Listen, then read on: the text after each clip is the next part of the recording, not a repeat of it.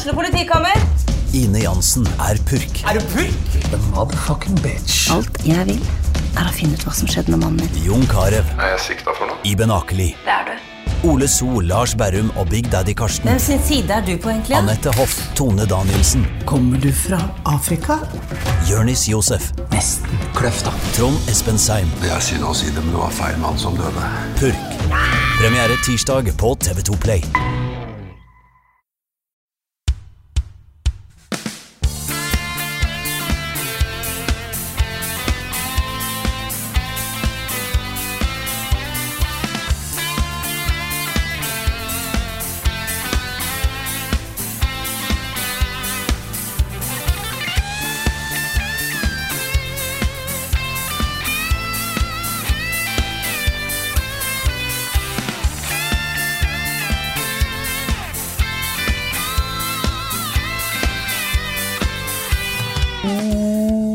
Får helt panikk nå, så må vi jo si at da er den nye introlåten vår laga av vennene våre i Kyoshu Orkestra. Velkommen til en ny episode av podkasten Level Backup med meg, Frida Danmo, og med meg har jeg selvfølgelig Karl Martin Hogsnes og Rune Fjell Olsen. Hallo, folkens. Jul. det var en lang, lang running gag, Karl. Ja, en hel uke mm. jeg sitter her. Ja. Yes. Kyosho Orchestra, for pokker. ja. Jesus Christ. Altså dette her, Vi hadde jo egentlig tenkt å introdusere den låta sammen med de nye introvignettene våre. Bare pusse opp hele til episode 200. Eh, Den var dessverre ikke klar til det, men eh, nå er den på plass. Og det er jo, Dette er jo på en måte den versjonen de fremførte på det store liveshowet vårt eh, på Kilden i mm. fjor. Uh, og vi har ønska oss den uh, i en sånn digital, spillbar uh, versjon siden den gang. Um, nå har vi fått den, og det er helt konge. Det er også en dritfin avslutnings vignettsak da, ja. som kommer etterpå. Men uh, tusen takk, våre venner i Kyosho Orchestra. Dere er dritflinke, Hell yeah. og vi setter stor pris på det. Absolutt. Yes. Um, jeg pleier Litt sånn over, overraskende høyt energinivå på introen kontra hvordan vi føler oss, er det ikke det? Jo, det var, det var det jeg jo- skulle si, da. Det var jo noe i, kve i natt. Ja, fordi det var, jeg tenkte vi skulle høre liksom Hvordan går det med dere? Nei, det, det går Jeg har en veldig svær kopp med kaffe her nå. Jeg har funnet min, min største Sonic the Hedgehog kaffekopp. Så den, den var stor er, også? Ja, den er ganske svær, og den er fylt med kaffe. Og det er da ikke bare pga. Uh, litt sånn eh, shaky døgnrytme denne gangen, fordi i dag så er det bare Det, det vil si akkurat nå så er det vel fem timer siden vi la oss. Eh, Seks timer. Ja, seks timer nå, Ja. men eh, ja, eh, for en time siden pluss da vi sto opp. ja.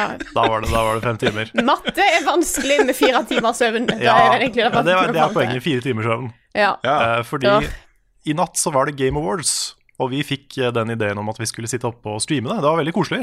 ja, veldig koselig. Veldig masse det- folk som var med. Herregud. Vi, Ja, det var jo over 200 seere midt på natta. Ja, vi var ca. 230 hele streamen. Det er fantastisk.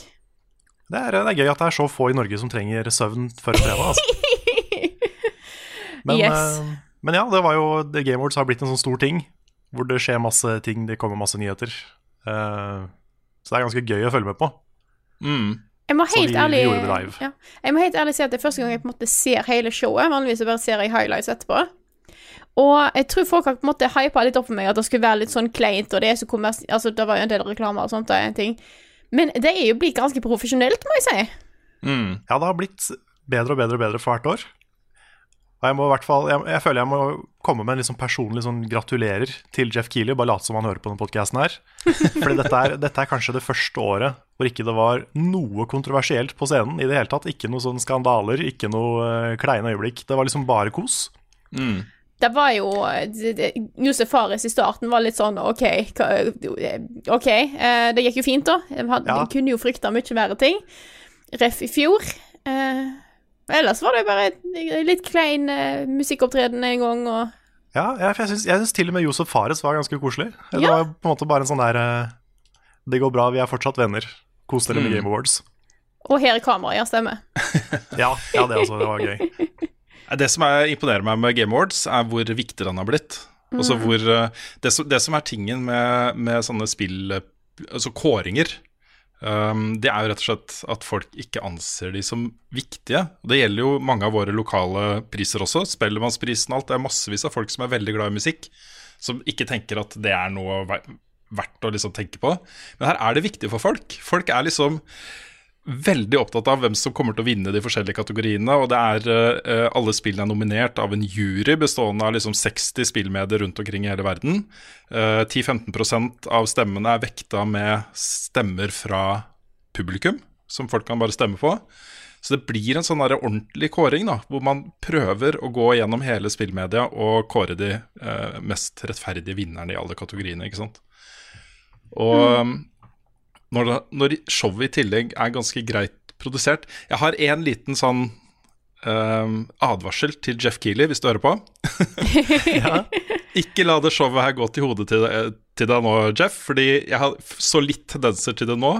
Med liksom engasjering av et fullt symfoniorkester og laging av egen låt til dette her. Også det ble litt sånn selvpompøst, hvis du skjønner hva jeg mener.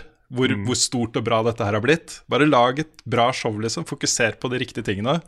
Så kan det her leve lenge, altså. Absolutt. Jeg ser jo det er mye diskusjon på Twitter og sånn eh, om Game Awards er en, er en god ting, eller om det er for kommersielt og sånne ting. Og det er jo eh, det er, det er to veldig sånn tydelige camps der. Noen elsker det, og noen ser på det med veldig ironisk distanse. Men eh, nei, jeg, jeg syns det har blitt mye bedre, altså. Hvis, du ser, hvis du går tilbake og ser på de liksom tidlige Game Awards-åra, så er det så pinlig, så harry og så liksom crap. Men de har kommet langt siden da, altså. Jeg må si da Ja. jeg, det, er liksom, det er ikke noe problem for meg at det er ads underveis. Jeg bare skulle ønske at jeg ikke så den samme Smash-traileren. Var det tre ganger? Ja. Og så er det litt rart at når du liksom har hatt uh, masse awards til Red Dead Redemption 2, så kommer det bare en straight up reklamefilm for Red Dead Redemption 2 sånn rett før de skal annonsere Game of the Year. Ja. Det er litt rart. Ja, det er litt rart. Jeg må bare så nevne, jeg satt jo også oppe. Jeg kunne ikke være med på streamen. Fordi da det var det helt musestille i leiligheten, og kona ligger og sover, og de to barna mine ligger og sover, og klokka er liksom tre, fire og fem. Til og med nesten seks på natta, liksom. Og da kan ikke jeg sitte her sånn som jeg gjør nå. Det, det hadde jo, ikke sant. Det var litt funny, fordi uh, ungene står opp klokka halv sju. Um, klokka seks logga vi jo av og skulle gå og legge oss og sånne ting. Uh, og da tenkte jeg, vet du hva, jeg kan ikke gå liksom inn og vekke kona nå, for da, ikke sant, hun kommer jo ikke til å sovne igjen. Så jeg la- slang meg litt ned på sofaen da, og uh, tenkte jeg legger meg når ungene står opp. Og da kom jo sønnen min gående, da. Sånn trøtte håret liksom til alle kanter og sånn. Han ville bare si god natt. og så gikk han og la seg igjen. Det var kjempebra. Det er koselig. Åh, du har bra unger, Rune. Ja da, det er fine. Men vi kommer jo masse tilbake til Game Awards uh, seinere, så uh, stay tuned, Uh, som det heter. Vi vil også nevne at vi har uh, vært i Drammen og besøkt eh, gutta i Norwegian Thunderboys slash Donkeyboys. Um, Donkeyboy. Donkeyboy, Donkey Boy, uh, og kommer med et lite intervju der også seinere i, uh, i denne episoden her.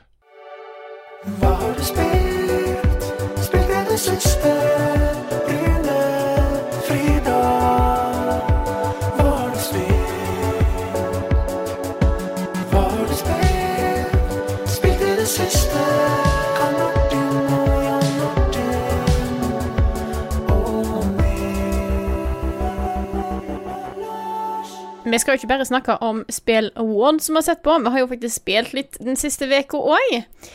Så jeg syns at du, Rune, skal få lov til å begynne. Hva har du spilt?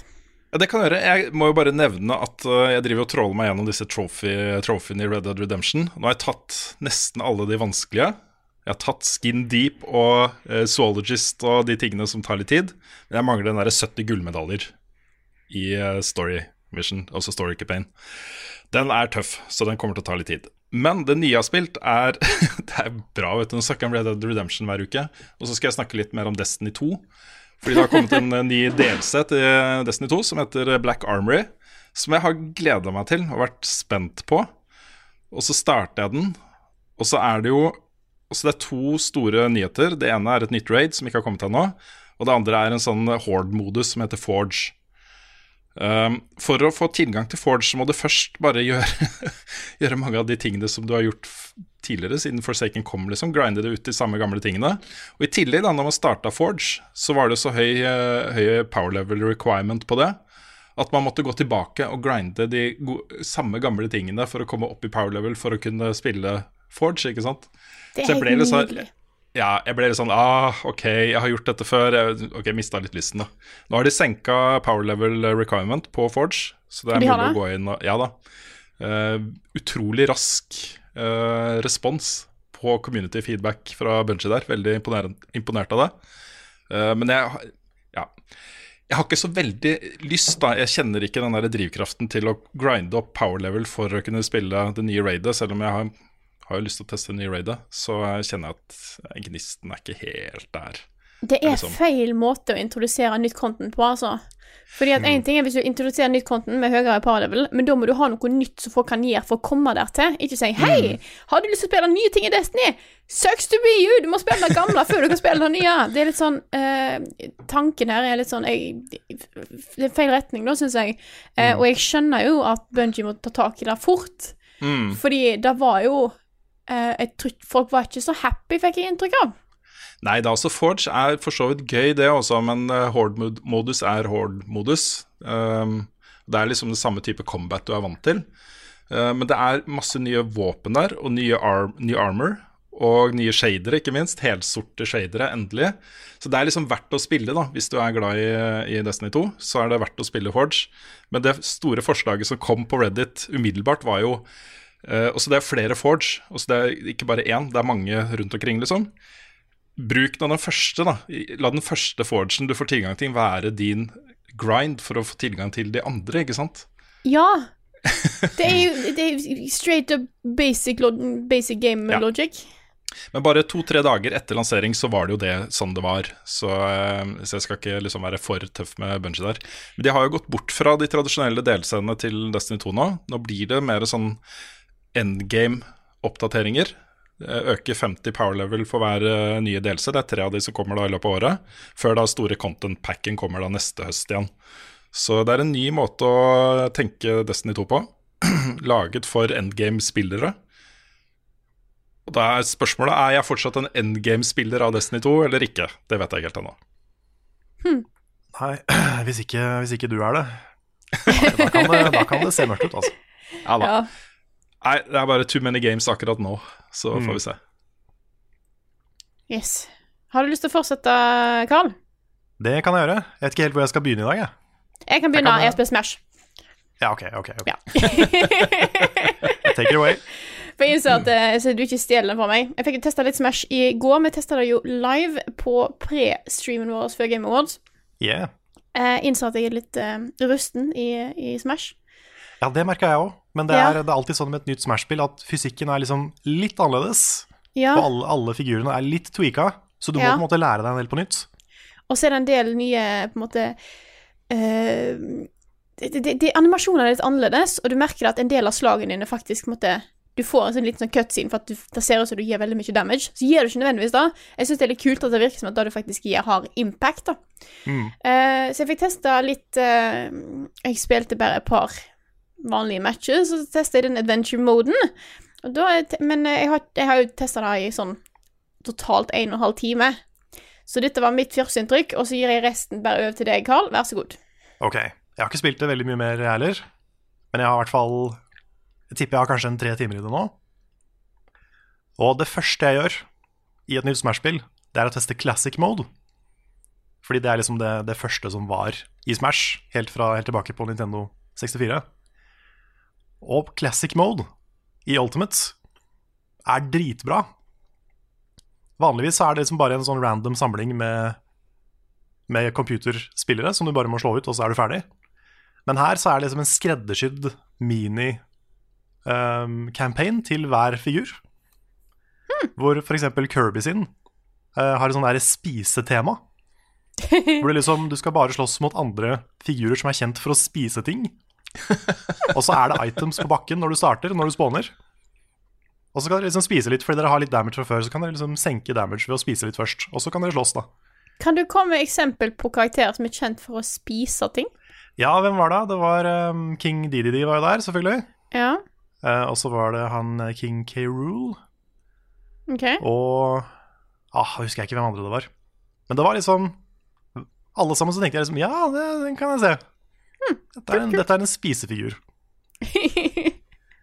Så um, det var veldig kreativt, da. Det var liksom en sånn liten sånn um, spesiallaga for Kirby uh, Classic Mode, det her. Kanskje Oi. derfor Waluigi ikke er der, fordi han er litt uspiselig. Oi. Du, du, du. Men um, oh. det andre som er kult, det er at vanligvis i Classic Mode så er det jo uh, Master Hand og eventuelt Crazy Hand som er liksom siste boss. Men det er ikke nødvendigvis det her. For det er flere bosser. Det er massevis av bosser fra andre spill. Så eh, jeg kan jo si da, jeg spilte som Link i Classic Mode. Og hvis noen ikke vil vite dette her, så holder de førende i ti sekunder nå. Men siste boss var Beast Ganon. Ah, fuck, nice. Det er dritbra. Ja, Det liker jeg. det er faktisk dritkult. Og det er sånn Den type ting, da. Bare sånne små ting for å gjøre Classic litt kulere å spille gjennom flere ganger. Det hjalp, altså. Mm. Jeg koser Så er meg sånn- masse med Classic opp gjennom tida, så jeg, jeg, dette, dette liker jeg. Dette liker jeg å høre. Mm. Hva er din main i Smash, Karl? Den har jeg ikke unlocka ennå i Ultimates. Okay. Ok. Ja, for du starter nemlig med kun Altså, det er jo Ultimate, du har jo 100 og et eller annet karakterer, er det ikke det? Er det ikke start- 70 ennå? Jo da. Ja. Det er jo noen og hundre baner, sånn var det. Ja. Ja. Mange karakterer, men du starter med åtte. Ja. Bare åtte characters i starten, Mm. og du må må unlocke én og én. Og det liker jeg, fordi at jeg Ja. syns at i, på uh, Smash to Wii U så var det sånn derre Her har du alle sammen! Og jeg bare Ja, men er det, skal ikke jeg mm. Ja, det er litt sånn der Ja, men jeg vil ha en sånn følelse av progresjon. Ja. Men vet, altså, kan du velge hvilken character du skal unlocke, eller er det en sånn uh, sekvens der? Det er sekvens. Ja, det er vel tre forskjellige måter å unlocke alle på. Ja. Mm. Du kan enten spille masse versus-kamper, eller du kan spille eh, classic mode med forskjellige figurer, Mm. eller du kan spille adventure mode. Og der får du alle etter hvert, da. Ok. Jeg får bare se for meg det er en helt herlig mulighet til å trolle kompisene dine. Hvis de har en main, ikke sant, og skal komme på besøk til deg for å spille Smash, så Jeg har du bare ikke unlocka den Ja. characteren, ikke Jeg sant? tenkte på det sånn det, Jeg burde jo bare ikke unlocka Bowser Ikke sant? Ja. hvis Svendsen kommer på besøk, liksom. Men det Men har start, allerede er ikke det en av starterne? Nei. Oi, nei, det stemmer. Men min, min main, da, som jeg ikke har åpna ennå, det er Toonlink. Eventuelt Younglink Young Link var det i Melee. Og nå er jo begge med, så jeg er litt spent på hvordan de er forskjellige fra hverandre. Hmm. Så det, det ser jeg fram til å få unlocka. Og så er jo adventure-moden veldig ny. Mm. Den er jo ikke sånn som den, den i Brawl, den The Subspace Emissary, i det hele tatt. Her så er det litt sånn Litt sånn lette RPG-mechanics, hvor du kan Det minner veldig om et sånn derre gat- gacha-mobilspill med altså sånne fæle samle på ting som er bedre og bedre og bedre. Få høyere attack power-greier. med Ja, sånne du får- element weakness og sånne ting. Heldigvis uten mikrotransaksjoner, så det er liksom bare den morsomme delen av de spilla. For du får jo sånne små characters og sånn som du kan ha med deg på laget ditt, som gir deg boost i ulike settinger. Ja. Uh, og så har du òg et skill-tre som du faktisk kan uh, kose deg med. Ja, så er det liksom Det er på en måte som å equippe en ny armor eller en ny, ny hjelm eller et eller annet sånt. Og bare putte på en character, så får du en ability eller en boost da av å ha på deg de. Mm. Um, og du kan gjøre det automatisk. Du kan bare trykke på en knapp, og så bare Nå equipper vi det beste for deg. Så det er bra. Det er sjukt nice. Hvis ikke du vil sitte der og, og fidle lenge. No. Um, men ellers så er det masse forskjellige fights. Og det som er litt, som er litt kult, det er at de um, Du har jo de 70, et eller annet, mulig 80 kanskje, uh, figurene i spillet. Men de forskjellige fightsa i adventure mode de er, de er liksom satt opp på en sånn måte for å etterligne andre spillefigurer. Og det er ofte litt sånn kreativt. Sånn som du har en, eh, en fight som skal forestille at du slåss mot de tre utviklingene til Evie. Altså Vaporeon, Jolteon og Flareon. Og det de har gjort der, er å ha liksom tre forskjellige farger på Yoshi, og gitt dem items som representerer de eh, Pokémonene. Mm. Så du skal liksom forestille deg at du slåss mot de tre Pokémonene. Og det er en sånn typisk adventure mode-level. Og mange av de er litt sånn morsomme. De er litt kule. Det er liksom, Jeg syns uh, vanskelighetsnivået var egentlig ganske greit. I starten var det sånn, ok, det var litt lett å slå ut fiendene her. Ja, ja. Så kom jeg til bajonetta, og fy faen. Det er, det, den fighten der, den var fæl. Ja, det blir så- fort vanskelig, faktisk. Det var jo bare hei krise hvor kjapp hun var. Mm. Så nå gleder jeg meg til å unlocke henne, så kan jeg uh, òg lære meg det. Og så og så kan du jo booste eh, de spiritene dine, som de heter, for å gjøre det lettere.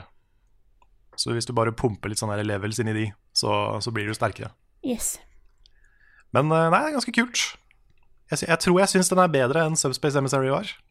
Det eneste jeg savner, er de der overdrevne epic cutscenene. Fordi, for de er jo ikke med her på samme måte. Det var jo en uh, epic cutscene i starten, da. Ja, den der alle dør-cutscenen. Ja. Ja. Men det er den ene foreløpig. Mm, ja, det er sant. Så jeg tror ikke det. Jeg vet ikke om det er flere, men jeg tror kanskje ikke det. Vi får se. Det blir spennende. Mm. Men eh, sånn alt i alt, dritfornøyd. Dette er eh, Så langt ser det ut til å være det beste Smash på lenge. Kanskje. Jeg sa det i forrige spill òg, men, men jeg tenker liksom Kan det her være det som tar over for Melee? Jeg vet ikke. De som er, spiller Melee, er veldig inne i Melee, da. Ja. Jeg syns så veldig synd på Sakurai. Fordi han prøver så hardt å lage et nytt spill, men folk eh, spiller bare Melee. Du vet hva de sier? Gammel dame er vond å vende. Gammel dame, ja. Ja, jeg hørte vane, men dame var ny. Nå forklarte jeg vitsen din. Det var, det var ikke meningen. Men en siste ting, for vi testa, vi testa online i går. Ja! Det var Og- interessant. Den første runden fikk jeg litt uh, noia. Ja, da trodde, tenkte jeg liksom mer sånn Dette her er døden. Ja, fordi For, det var eh, så heavy input lag. Det var helt krise. Og det var nesten sånn uspillbart. Ja. Ikke, ikke uspillbart, men det var, det var veldig distraherende. Og det er ikke internett-connectionen vår det går på, tror jeg. Nei, Eh, fordi jeg har ei 200 100 linjer her. 300 100 linjer. Du har fiber. mm, Jeg vil tippe at det er altså to ti en time etter launch i, i Europe. Jeg tror det var en liten uh, serverproblem der, altså. For det kom Ja. seg jo. det gjorde det. De neste rundene så var det mye bedre. Mm. Fortsatt litt lag. Ja. Jeg tenkte jeg skulle prøve å grave opp en gammel sånn derre Wii um, kabelport-ting for å bruke LAN-kabel. Bare for å se om de gjør det bedre. Fordi jeg husker de anbefalte det i den ene directen. Mm. Men, uh, men det er litt synd at det fortsatt er input-lag, Ja. syns jeg. Det er liksom mange spill som unngår det, så jeg hadde håpa at Smash skulle løse det problemet. For det har vært sånn i de to siste spillene når man spiller online. Men jeg er spent på å se nå da, om det bare var noe måte, oppstartsproblem, eller om det er en, en, måte, en del av spillet, da, hvis du kan kalle det det. Mm. Men, ehm, men utenom det, så er det helt konge, det spillet her. Det kommer en Mm. anmeldelse etter hvert. Har lyst til å gjøre litt ut av den, så jeg vet ikke helt eh, når jeg skal love at den kommer. Må jo spille ferdig adventure mode og unlocke the characters og, og sånn. Mm. Men uh, den blir- det, det blir en anmeldelse, og den blir nok eh, ganske positiv, kan jeg si. Sikkert. Skal du spoile anmeldelsen din her nå, Karl? Ja. Spoiler alert, everyone dies. Åh, shit. Men jeg har ikke bare spilt eh, Smash. Nei. Jeg har, eh, jeg kan si veldig kjapt at jeg er fortsatt på Red Dead. Um, fortsatt ikke kommet langt. Jeg er på det berykta kapittel to. Og uh, venter med å si noe, fordi jeg, jeg har fortsatt ikke helt kommet over den der kneika hvor jeg klarer å liksom kose meg med det og synes det er ordentlig gøy. Jeg knoter fortsatt en del med controls og føler meg fortsatt litt lost i den verden her. Den Men, der kneika hadde jeg også. Ja, så jeg var håper så- den liksom går over.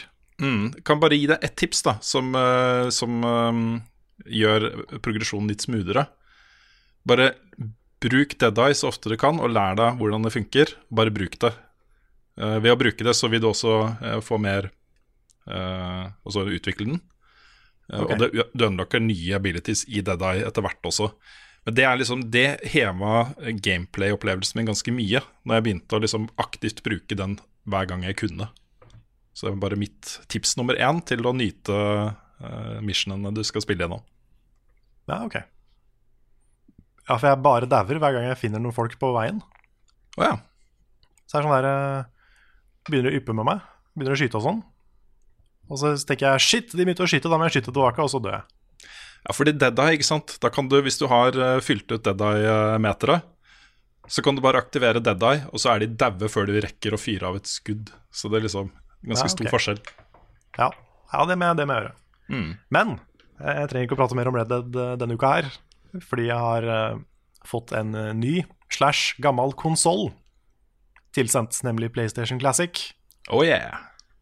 Og der er inntrykket litt sånn blanda. OK? Fordi jeg testa det litt med Bjørn og sånn i kosekvelden. Og jeg syns liksom det var noe Det var noe som ikke stemte helt. Det var Altså, det så jo bra ut, og det var eh, Det var jo PlayStation 1-spill i 720P og helt OK, det, liksom. Men jeg merka at eh, det var liksom Jeg følte det var noe rart med frameraten. Jeg følte det var mer input lag enn jeg kunne huske, liksom. I hvert fall i eh, noen av spillene så var det sånn Det føltes som om det gikk liksom kanskje et sekund før det skjedde det jeg trykka på av knapper. Og det var litt sånn Shit. var det, var det så ille? Og i noen av spillene så var det sikkert det. Men ikke alle. Og så så jeg videoen til Digital Foundry på, på Eurogamer, som bekrefta litt av de tinga som jeg opplevde. da. Og nå skal jeg prøve å forklare dette her. Dette er veldig sånn teknisk, og jeg kommer ikke til å forklare det riktig, men jeg skal prøve. Eh, For det er jo forskjell på amerikanske og europeiske PlayStation 1-spill. Du har Ja. 60 hertz og 50 hertz, som NTSC og PAL.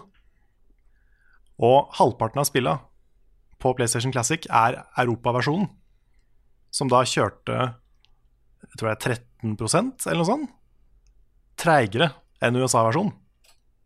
Og det gjelder jo veldig mange gamle spill. Altså vår, vår Sonic løp saktere enn USAs sin Sonic. Eh, sånn var det i gamle dager.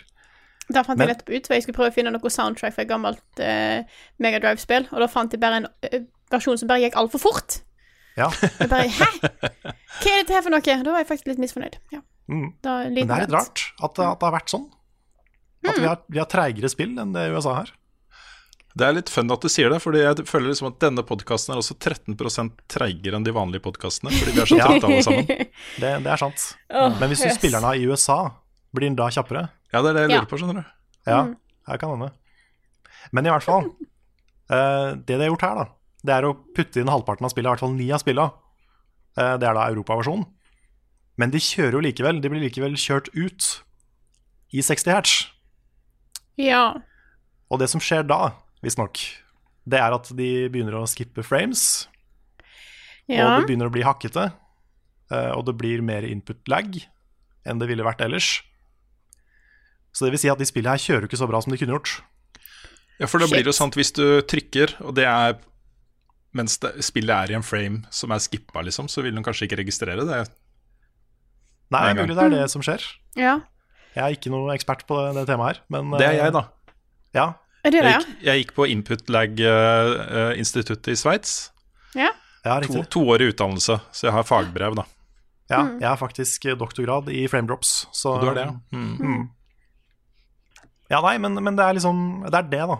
Og det i hvert fall den Digital Foundry-rapporten eh, fant ut, den videoen, det var at du får en bedre opplevelse av spilla hvis du spiller de på en PlayStation 3 eller en PSP eller Vita. Eller hva som helst som ikke er en PlayStation Classic. Men også, Det er- dette, dette er jo emulerte spill. Er det ikke mulig å patche dette her, tenker jeg? Jeg vet ikke om det har noe online connection. Nei, det er akkurat det, vet du. Det Så jeg sitter her og tenker litt på Altså, dette er bare sloppy work, altså. Mm. Fordi Virker som det ikke er noen som har testa det. Ikke satt seg ned og faktisk testa den konsollen. Nei, det Mm. er, og det, det er liksom Det er ikke sånn Én ting er tidligere, da på en måte Ja, framerate sånt Det var jo Det var sant, det kom jo på det liksom Det er strømnettet vårt som går på, liksom, med med framerate, altså 50 hertz versus 60 hertz. Men det er Da at de ikke får det til liksom i 2018 Mm. Da, da er bare sloppy, altså. Ja, da det er ingen de grunn til at ingen, ingen unnskyldning, faktisk. Niks. Nei. Nei, nei, det virker som de bare har uh, tatt de første og beste romsa de har funnet, liksom. Bare, å ja, den var fra Europa, men det gjør ikke noe. Og så bare putter vi den på. Jeg kjenner jeg blir er, litt sånn små irritert, faktisk. Mm. Ja, må jeg helt ærlig innrømme. ja det, er, det er for dårlig. Mm. Det er i hvert fall når du ser på liksom NES Classic og SNES Classic, og hvor bra emulering det er i de, da. Det er, du, det, altså det er mye å, det er mye å uh, kritisere de også for, men det er i hvert fall fullt fungerende spill. Mm. Så um, ja, jeg er skuffa over den konsollen her. Jeg hadde håpa den skulle være mye mer eh, At du skulle få en mye mer sånn definitiv PS1-opplevelse. da Mm. Og den, det, er ikke, det er ikke helt krise. Den funker hvis du liksom på død og liv må spille de 20 spilla som er her, og ikke får tak i de på noen annen måte. Ja. Mange av de er jo på Steam, f.eks. Mange av de er på PlayStation 3, PS4 osv. Hvis du vil spille Final Fantasy 7, så finnes det jo ti bedre måter å spille det på. Mm. Um, men det, det, det går, så ikke, ikke bli lei deg hvis du får en PS Classic til jul. Det er fortsatt noe bra her, liksom. Uh, du kan helt fint spille den, men uh, opplevelsen er dårligere enn det ville vært på en PlayStation 1. Og det er ikke bra nok. Ah, nei, det er kjipt. Og ikke, mm, eh, ikke for det Nintendo er noen av de mest kyniske i spillbransjen. Altså, de gir jo ut de samme gamle spillene igjen og igjen. Ja, ja. Men det er alltid gjort, nesten alltid da, gjort uh, med litt omtanke og kjærlighet for historien sin. da. Så når de kommer med NES Classic og SNES Classic, så vet du at det er viktig for dem at de maskinene faktisk er bra. Uh, selv om de skal bare tjene penger. Altså, det er en veldig kommersiell beslutning å gi ut de på nytt med egne konsoller, men det er også et element av sånn eh, konservering av gamle spillopplevelser, ikke sant? ja. Så når- Det er litt sånn, som, litt sånn som Disney. At de hele tida gir ut filmene sine på nytt, men de, har liksom alltid, de passer alltid på at det er en perfekt versjon av de filmene. Så da Sony liksom annonsa PlayStation Classic, så var jo det Beskyldninga var jo da sånn Ja, jeg, vi også liksom har lyst til å tjene masse penger på ting vi har lagd før. Eh, vi ser hvor bra Nintendo gjør det, så vi må gjøre det, vi også. Det hadde blitt noe helt Det virker som om dette er bare et rent kynisk, kommersielt uh, beslutning de har tatt, å gi ut PlayStation Classic. Fordi hadde det sittet bare én person i det teamet som følte det var viktig at den konsollen representerte uh, spillopplevelsene fra da PlayStation 1 på best mulig måte, så ville den konsollen ha blitt mye bedre. Så her, det, det virker ikke som Da det har sittet noen i det prosjektet hos Sony med kjærlighet for det eh, produktet der, da. Når det er liksom så skrikende. Nei. Og så burde det vært flere spill, syns jeg. Fordi altså, det er mye bra. Jeg vil si Ca. halvparten av spillet er jo veldig, veldig sånn gode PlayStation 1 classics. Du har Final Fantasy der, du har Resident Evil, du har Metal Gear. Diverse, som er veldig bra. Tekken 3 er der, det er kult. Men så har du liksom noen sånne hvor, Hvorfor er liksom det der Street Fighter-puzzle-spillet der og, og noen litt sånne duds, da. Hvor de kanskje burde tatt litt mer tid, prøvd å skaffe noen flere lisenser. Jeg skjønner at Tony Hawk er vanskelig pga. musikken, men, eh, men at Tony Hawk ikke er der, det er litt krise. Det hadde vært en perfekt anledning til å lansere Krono Cross, som aldri kom i Europa. Det er så mye de kunne gjort, og det er så mye som hadde vært så kult. Men eh, det føles litt som en mist opportunity, altså. Mm.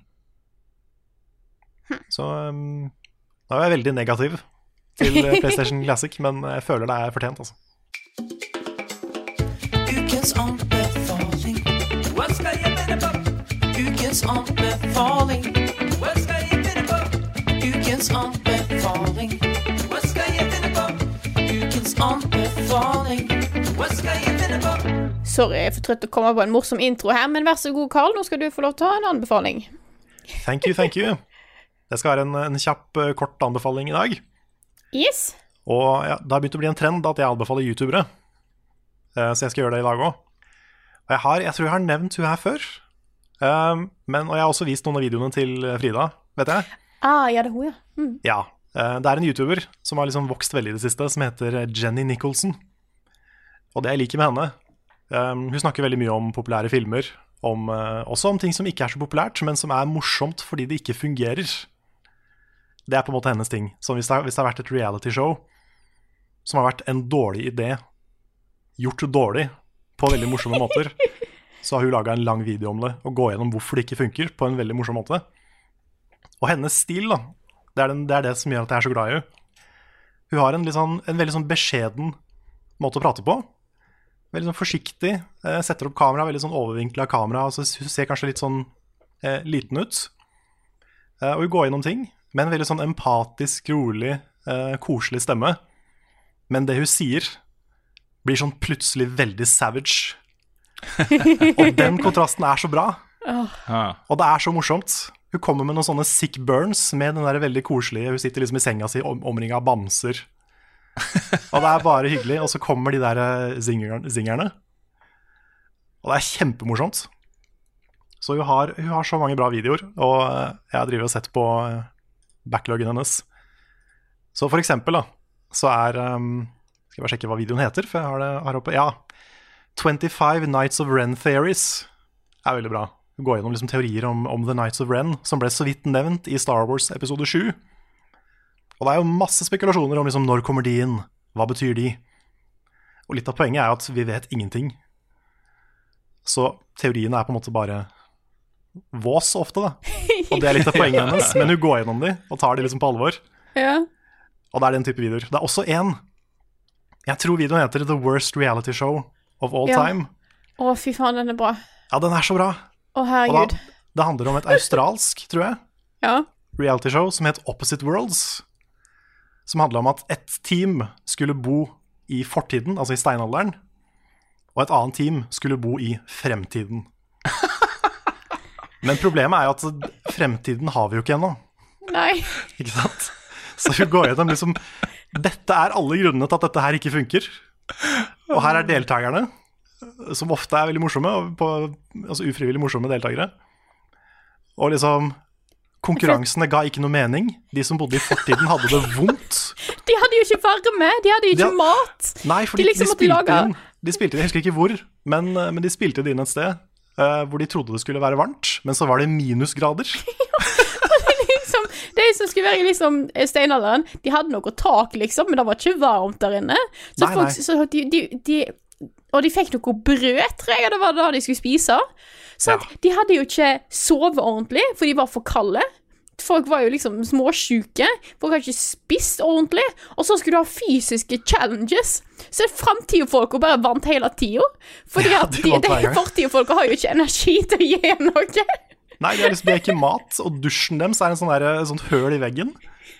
Og, og de fikk fiskehuer å spise, fordi Og da kom liksom Jenny Nicholson inn. Ja, det er ikke litt rart at ikke de hadde hele fisker i steinalderen. Det var liksom bare hodene. Og det er, bare, det er bare så blåst. Og hun er så utrolig god på å sette liksom fingeren på alle måtene det er blåst på. Og i tillegg så var det sånn her, det var sånn 100 ulykker underveis. Ja. Og han liksom største sånn bodybuilder-fyren står og hva er det han hiver? Er det tomater, eller sånt? ja, jeg tror det. Og de får en sånn dårlige vernebriller. Og han, han største, bøffeste duden, bare med all styrken han har, bare pælmer tomater i trynet på en annen deltaker. Og bare vernebrillene begynner å kutte seg inn i huden hans. Så det er liksom bare helt krise. Og det er så mange sånne Det er, det er dritbra. Nå prater jeg om hele videoen, men um, Ja. bare sjekk ut Jenny Nicholson. Uh, den videoen er dritbra. Um, ja, hele kanalen hennes er uh, fantastisk.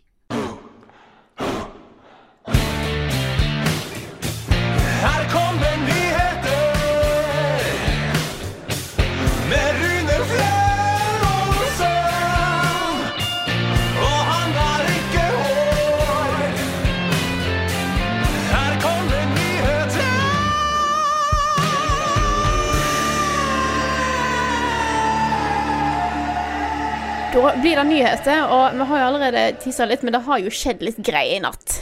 Det har skjedd litt greier i, i natt, og jeg syns jo eh, først og fremst da, vil jeg bare nevne at jeg syns det er så kult at vi har fått inn litt elgitar i denne podkasten her. Så takk til Martin, Martin og Christian for de herlige spaltevignettene våre også. Og Kyoshu da for nye introlåta. Det er gøy, altså. Litt elgitar. Litt rock'n'roll. Yeah. Det trenger vi. Men det har jo vært eh, Game Awards i natt. Um, kan du gå litt gjennom prisvinnerne først? Ikke alle, fordi det var mange kategorier der. men de viktigste. I hvert fall en lite utvalg av dem. Og Det store spørsmålet var jo hvem vinner Game of the Year? Blir det God of War eller blir det Red Dead Redemption? Og det ble God of War. Og det er litt morsomt å se, fordi eh, de to spillene hadde jo åtte nominasjoner hver eh, i forkant. Eh, God of War vant tre. eh, Red Dead Redemption vant eh, fire. De de vant, føler jeg er litt sånn representative for de små nyansene som skiller de to også, og så hva de er best på. Fordi God of War vant også for best, beste action adventure-spill og beste regissør. Begge deler fullt fortjent uh, der. Ja, ja, Mens Red Dead. Redemption 2 vant for beste narrativ, uh, beste soundtrack slash musikk, beste lyddesign, og Roger Clark vant for beste performance som Arthur Morgan. Og det også er sånn soleklare, helt soleklare. Så det er litt den derre Begge er dritbra. Jeg sliter med å finne ut av lik, hvilket av de to jeg liker best.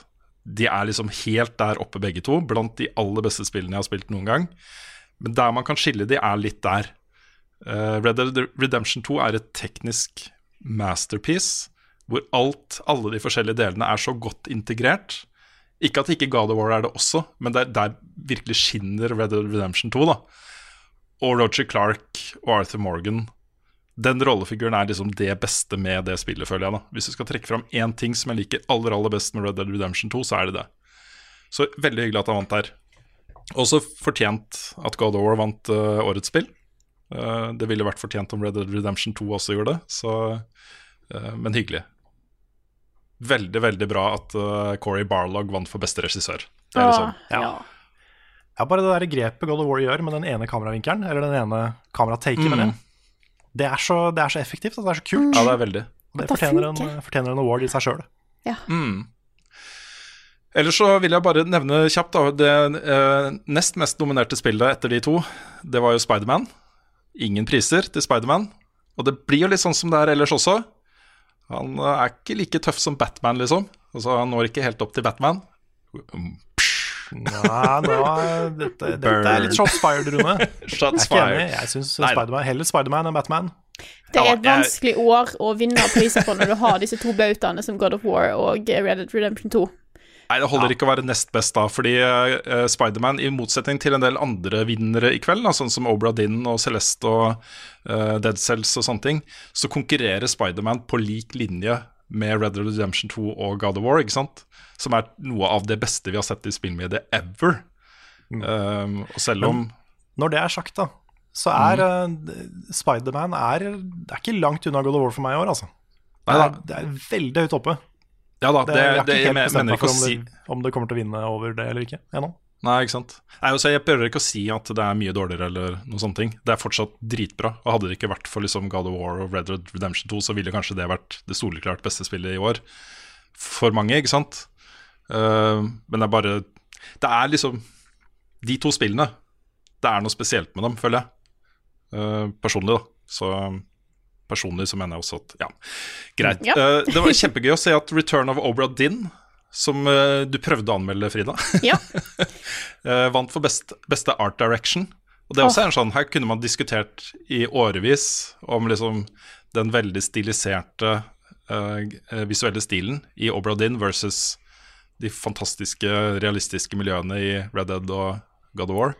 Men det er en kul, det er en kul uh, vurdering at ja, et sånt spill vinner. Jeg tror det var på den awarden jeg trodde at det var Octopath Traveler som kom til å vinne. Ja, jeg heide litt på Octopath der. Mhm, For der òg er det en veldig, veldig interessant stil. Men veldig kult at et sånt litt mindre spill da, som Oberdin vant. Eh, Mm. De har jo helt særegen stil. Det er dessverre den som òg eh, gjorde at jeg ikke klarte å anmelde det. Men eh, eh, respekt for at de eh, gikk den veien der, altså. Mm. Uh, Celeste, beste indiespill. Så forferdelig godt fortjent. Mm. Celeste var også nominert i eh, hovedkategorien, årets eh, beste spill. Eh, Dead Cells vant for beste actionspill, Karl. Hell yes. Mhm. Veldig fortjent. Monster Hunter World, beste rollespill. Ja. Også den siste prisen jeg bare tenkte å fremheve, så kan man jo gå på nett og søke opp resten. hvis ikke dere har lyst til å slenge ut noen flere. Norske spillet, Tanknarok. Ja. Beste studentspill. De fikk jo pris før selve hovedshowet starta. Men dette er da fire studenter fra uh, Høgskolen i Innlandet, Hamar. som studerer spilldesign der. Nå er det vel en del av Hamar Game Collective, etter det jeg har forstått. Uh, Det Ja. spillet er jo ikke ute ennå, uh, men eh, kommer i løpet av neste år. Dette er jo da kåra av en jury av bransjeveteraner, inkludert bl.a. Hideo Kojima sitter i den juryen. Så det er, det er utrolig kult. Det var kult å se de to norske gutta oppe på scenen der ta imot en Game Award for Tanknarok. Og spillet ser også veldig bra ut. Absolutt. Jeg synes også generelt det var, det var bra vinnertaler i år. Ja. Ja, det var det. Det, var, det ble litt sånn holdsom, fordi alle hadde liksom de samme litt de samme kampsakene og forene spillbransjen og alt det der. Det var Mm. veldig bra. Ja, vi fikk jo showet, også Hovedshowet starta jo med eh, eh, noen av toppsjefene da i Sony, Microsoft og Nintendo sammen på scenen. ikke sant? Mm. Det, er, det er litt det jeg mente når jeg snakka i stad. Ikke bli for pompøse her, liksom. Det er liksom hakket før det bikker over, da. At eh, det, Og så drar de det lengre nå, så kan det fort bli litt sånn ja, bikke andre veien, da. Fra det kleine dårlige til det kleine liksom litt for Overdådige. Ikke sant? Ja. Ja, da, da de kom på scenen, så begynte jeg å lure på liksom, hva Skal de annonsere noe nå? Ja, Sånn, for det blir så noe stort, sånne, sant? Ja, er det noe sånn rar Er det noen sånn rar shareplay-funksjon mellom konsollene nå? Hva, hva, hva skal skje nå, liksom? Men det var jo bare en sånn eh, symbolsk ah, Gamers Unite. Yes. budskapet der. Ja. Ellers så var eh, Jeg skal gå gjennom en del av eh, nyhetene, for det kommer massevis av nyheter. Kanskje ikke så mange av de helt sånn super-megasvære nyhetene som vi fikk i fjor. Nei, ikke like Nei. stort som i fjor. Vi hadde håpet litt større, men eh, det, det var fortsatt bra. Mm. Men mitt høydepunkt, bortsett fra det, var uh, medleyen fra Red Dead Redemption 2. Det var så Jeg gikk gjennom pressemeldinga. Den kom jo for tre-fire uker siden. Så kom det en pressemelding fra Rockstar om soundtracket i spillet. Hvor mange musikere som har vært involvert, hva de har gjort før. Og dette er jo kremfolk, liksom. Daniel Lanois har, eh, har jo hatt ansvaret for mye av den ambient-musikken og en del av de låtene med tekst, liksom, i det spillet. Eh, og har henta inn liksom studiomusikere han har jobba med i årevis. Livemusikere. D'Angelo har en helt fantastisk låt i den, eh, det spillet. Som har liksom Så den medleyen der, da var jeg veldig happy, altså. Den var helt eh, fantastisk. Så med nyheter Jeg bare begynner et sted, og så slenger jeg ut noen headlines. Og så får dere bare kommentere hvis dere har noe å si. Yeah. Ja. uh, Far Cry New Dawn ble avdukka. Det kommer 15.2 og foregår da i apokalypsen, spoiler, spoiler alert, etter Far Cry 5. Samme sted, noen år etterpå. Yeah. Mm. En direkte oppfølger til Far Cry 5. Ja, det omtales mer som en spin-off, eh, for dette blir jo mer sånn Fallout-lignende survival-spill. Um, og det begynner å bli en del av de spillene der. Rage 2 fikk også lanseringsdato um, her. Det kommer i mai. Ja, sant. Og det, De to spillene ligner ganske mye på hverandre. Fallout 76. Altså, det er en sånn egen ting, da. Jeg får jo litt mer sånn hyggelige, fargerike vibes av Far Cry-spillet. Mm. Um, merker at den stilen appellerer mye mer til meg enn litt den der uh, gråbrune uh, Rage Fallout-stilen. Ja da. Så jeg syns det så kult ut, selv om ja, det er mye postapokalypse. Veldig mye. Det kanskje Det spillet som kanskje var mest sånn derre mind-blown-type opplevelse på på avdukningene, eh, var wildcard-spillet Atlas. Det er jo de som står bak Ark-spillene. Ja. Hvor de skal lage da en persistent online-verden som er 1200 ganger større enn Ark-kartet, var det ikke det du sa? ja.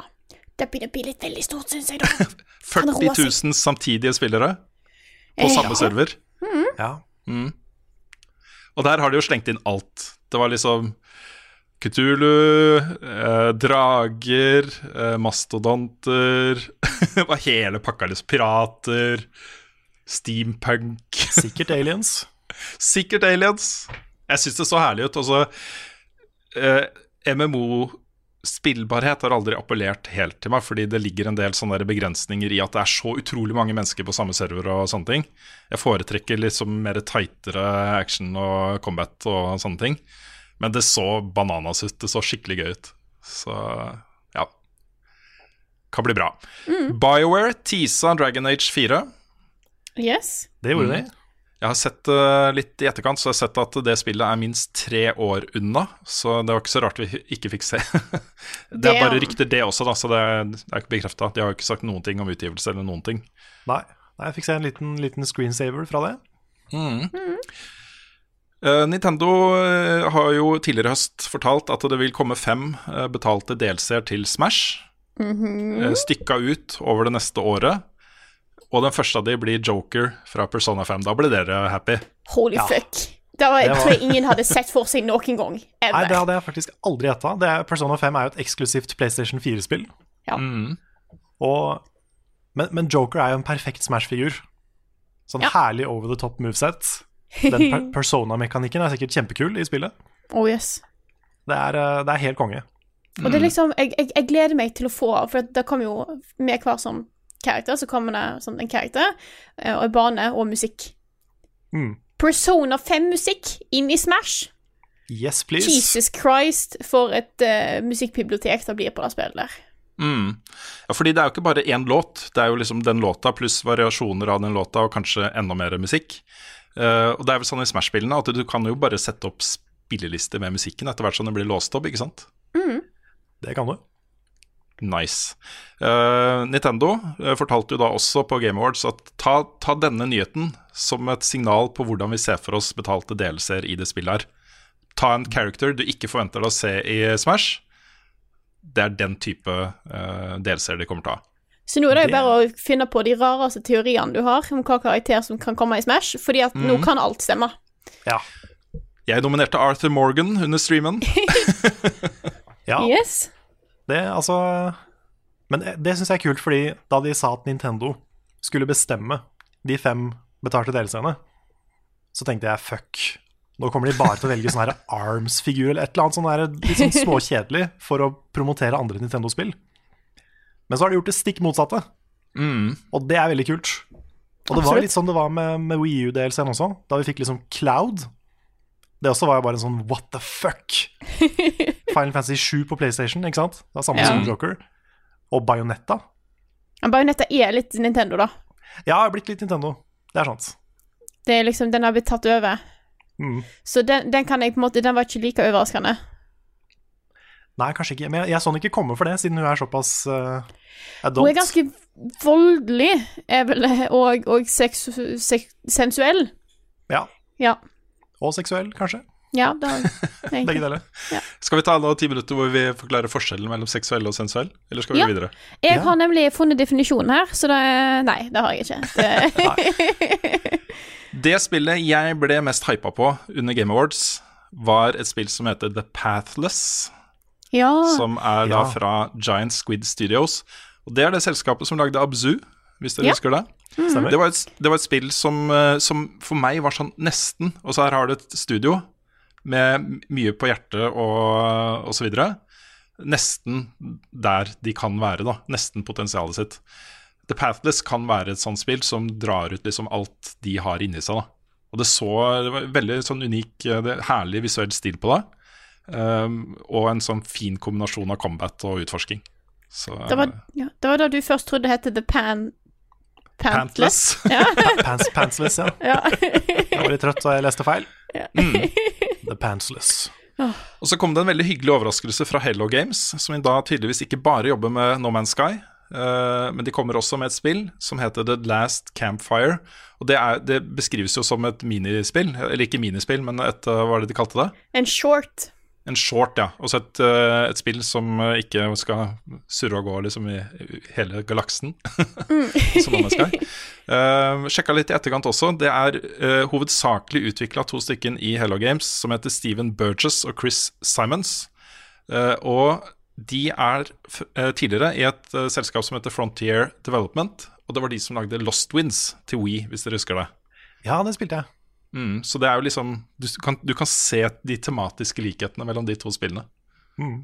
Så ja, herlig, herlig lite vakkert uh, gledesrop under Game Awards. Det der for meg også. Og så kommer Supergiant Games med et nytt spill. Dvs. Si de har lansert, avduket og lansert et nytt spill. Eh, Dette er jo da selskapet bak Bastion og Transistor, og det nye spillet deres heter Hades. Eh, og det blir da brukt som en launch early access-tittel til den helt nye. Da kommer vi til en ny sak som jeg egentlig hadde tenkt å ta seinere, men vi kan ta den nå. Eh, For Epic har jo lansert sin egen eh, PC-store for spill, som heter Epic Game Store. Og det som er litt interessant med den, er at cutten de tar fra salget, er omtrent halvparten av det de tar på Steam og de andre plattformene. Så her er det 88% tror jeg, av inntektene fra salget på Epic Game Store går rett til utviklerne. Mens på eh, Steam eksempel, så er det et sted mellom 60 og 70, er ikke det riktig? Mulig jeg husker feil.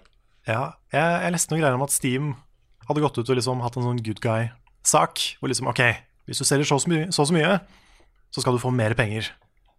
Så hvis du er blant de mest liksom, suksessrike spillene, Ja. så skal du få mer penger av Steam. Nettopp. Og så kommer den saken her rett etterpå. Og bare, du får mye mer hos oss. Ja da. Ja. Nei, det, det skal vel uh, godt gjøres å hamle opp med markedspoweren til, uh, til Steam der. Ja. Altså, de, har jo, de er jo bukta av begge endene, eh, for så vidt. Men ja. Epic Game Store kan fort bli en litt sånn indie-favoritt. Jeg, tror, jeg tror folk er klare liksom, altså, Folk driver allerede og kjøper ting på Good Old Games og andre ting. Ja, Origin og Ja, De går mer etter et spill, spillet de er på jakt etter, ikke sant. Ja. Så hvis de får en del eksklusiver som dette er, så kanskje. Uh, veldig herlig uh, trailer for Stanley Parable dukka plutselig opp. Ja! Ja, Det kommer jo da til uh, konsoller i 2019 med masse nytt content. Og til PC med nytt content. Da- Ja, og til PC med nytt Ja. content. Helt på slutten så, så sa jo forteller narrator, fortellerstemmen, sa jo også Ja, og forresten så kommer også Stanley Parable 2 eh, snart. Jeg vet Nei, ikke om det var en ikke. Sa han Nei, det, ikke det? det han sa var fordi de tulla med i starten at The Last of Us hadde, tatt, hadde liksom tatt all oppmerksomheten fra Stanley Parable det året. Ja. Og så på slutten så sa han Hæ, kommer The Last of Us 2 neste år? Å ja, det var Ja. det han sa, ja. Det var, det var litt trøtt. Ok, ok.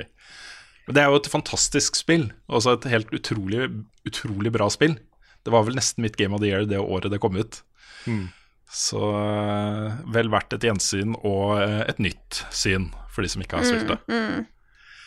Mortal Kombat 11 ble sånn helt plutselig avduka. Han skulle egentlig dele ut en pris, han sjefen for det selskapet, og så viste han et trailer først. Ja, bare Foiled again. Det er, jeg blir litt sånn satt ut. Eh, jeg har ikke det problemet med vold, altså i det hele tatt. Men det Nei, den- føltes litt sånn malplassert. Den ekstreme, også Mortal Kombat, er, det det er jo det det spillet er. Ja. Men plutselig så var det jo eh, knuse, knusing av hoder og ja, det, det er litt sånn Now for something completely different. Ja, ikke sant? Det, det føltes litt rart å bare hoppe rett til det. Det er litt som om de skulle vist en trailer til Dead or Alive, liksom. Mm. Men hør vi sitter her og snakker, og vi er jo ikke, jeg er ikke ferdig med lista engang. Det er masse Nei, nei. nyheter. Dette er jo et okay. mini-etere, vinteretere. Kjør, Kjør på, på. fort. Ja. Psychonauts 2 uh, fikk uh, masse ny gameplay-video og uh, trailer-video. Eh, det kommer nå, i 2019, ble det sagt. Eh, dette er jo uh, nye spillet til Team Shafer eh, og co. Eh, og Psychonauts 1 var dritbra, så dette her gleder jeg meg til. Scavengers fikk en ny trailer. Dette vil jo være en, eh, en slags miks mellom litt sånn tightere FPS-gameplay og uh, uh, survival-spill, etter det jeg har forstått. Scavengers. Scavengers. uh, og så fikk vi se et nytt spill fra et nytt studio som heter Typhoon Studios, som heter Journey to the Savage Planet. Dette var jo ikke så godt å få tak på hva slags spill det var, men i etterkant så har jeg lest et intervju eh, med det selskapet, og de sammenligner det med Hellblade. De sier det er liksom samme type lengde på det, samme type liksom narrativ opplevelse, også ikke eh, tematisk, men eh, teknisk, også oppbyggingsmessig. eh, at de bruker masse humor, og at det er inspirert av Jules Vern. Så eh, da ble jeg plutselig hakket mer interessert. Dauntless, som nå er ute på Early Access på PC, kommer til konsoller og mobil i 2019. Og så fikk vi se et nytt spill fra Obsidian, som Microsoft nylig uh, kjøpte opp. Uh, som heter The Outer Worlds. Nok et uh, postapokalyptisk sci-fi-spill. Ja, Så ut som de krasjlanda i Norge der. ja, ikke sant? Nei, det var, det var Scavengers. Å ja, det var det. Da blander jeg. Mm. Eh, dette her foregikk på sånn liksom Borderlands-lignende Å ja, det var da de liksom ble kommet til uh, Alfa Centauri. Ja ja, det var det Ja. derre mm, mm. Ja, Ja, det var veldig kult. Mm. Dette er jo Obsidian, og det var morsomt de ble presentert som de originale skaperne av Fallout. Eh, og utviklerne av Fallout New Vegas. Og Så- ikke andre. Ikke sant? Så litt sånn derre Bedre enn Fallout 76 virker som allerede er tagline for det spillet her. Ja. Crash Team Racing remastered i juni. Yeah. Og så bare nevner jeg kjapt et spill som heter Ancestors, eh, som foregår da i Afrika for mange tusen år siden, hvor du skal spille da i fire forskjellige faser, eh, da menneskene var aper. Ja. Yes. Men, du, Jeg vil se mer av det, altså. Jeg er litt skeptisk ennå. Men har du flere spill, Rune? Nei, det, var, det er lista. Ja, ok, for det er ett til, så vi burde nevne. Ja. Marvel Ultimate Alliance 3. ja, det står Ja. på lista mi. Jeg bare uh, trøtte try trynet mitt uh, missa det. Ja, Ja, for det, det var en stor, stor launch. Ja, Nick uh, gikk jo litt i fistel da. Ja, han ble happy. Det gjorde det. Eh, Eksklusivt til en- Switch. Eksklusivt til Switch, ja. Eh, Det er en serie jeg ikke har spilt sjøl, men jeg har hørt veldig mye bra om den serien. Den har jo veldig veldig dedikerte fans, Mm. så eh, det er hyggelig. Yes, er det, noe annet fra Game Awards dere har lyst til å ta opp før vi går videre? Jeg tror du tok det meste der, altså. Jeg tror vi Ja. har det. Ja. Ikke noe jeg på Greit. Da fortsetter vi med andre nyheter. CSGO, altså Counter-Strike Global Offensive, har blitt free to play og for Battle Royale-modus. ja. Ja. Danger Zone heter den. Det er, eh, det er jo ikke slike eh, altså Det er ikke 100 spillere. Er, jeg tror- det var 18 eller 36, jeg husker ikke hva som var maks. Men, eh, men det er jo Battle Royale. Og så du kan gå inn som single, double eller triple teams. Og så er det last man standing. Red Dead Online har jo fått masse kritikk pga. økonomien sin. Nå har Rockstar endret litt på den. De har justert prisene, og de har også gitt 15 gullbarrer og 250 dollar til alle som har spilt før eh, i går, altså før endringene. Får da bare det. Og jeg har spilt det kanskje bare ti timer totalt, og har fått 1,2 gullbarrer eller noe sånt. Så det, jeg, jeg sitter og tenker på alle de morsomme tingene jeg skal gjøre med de gullbarrene mine.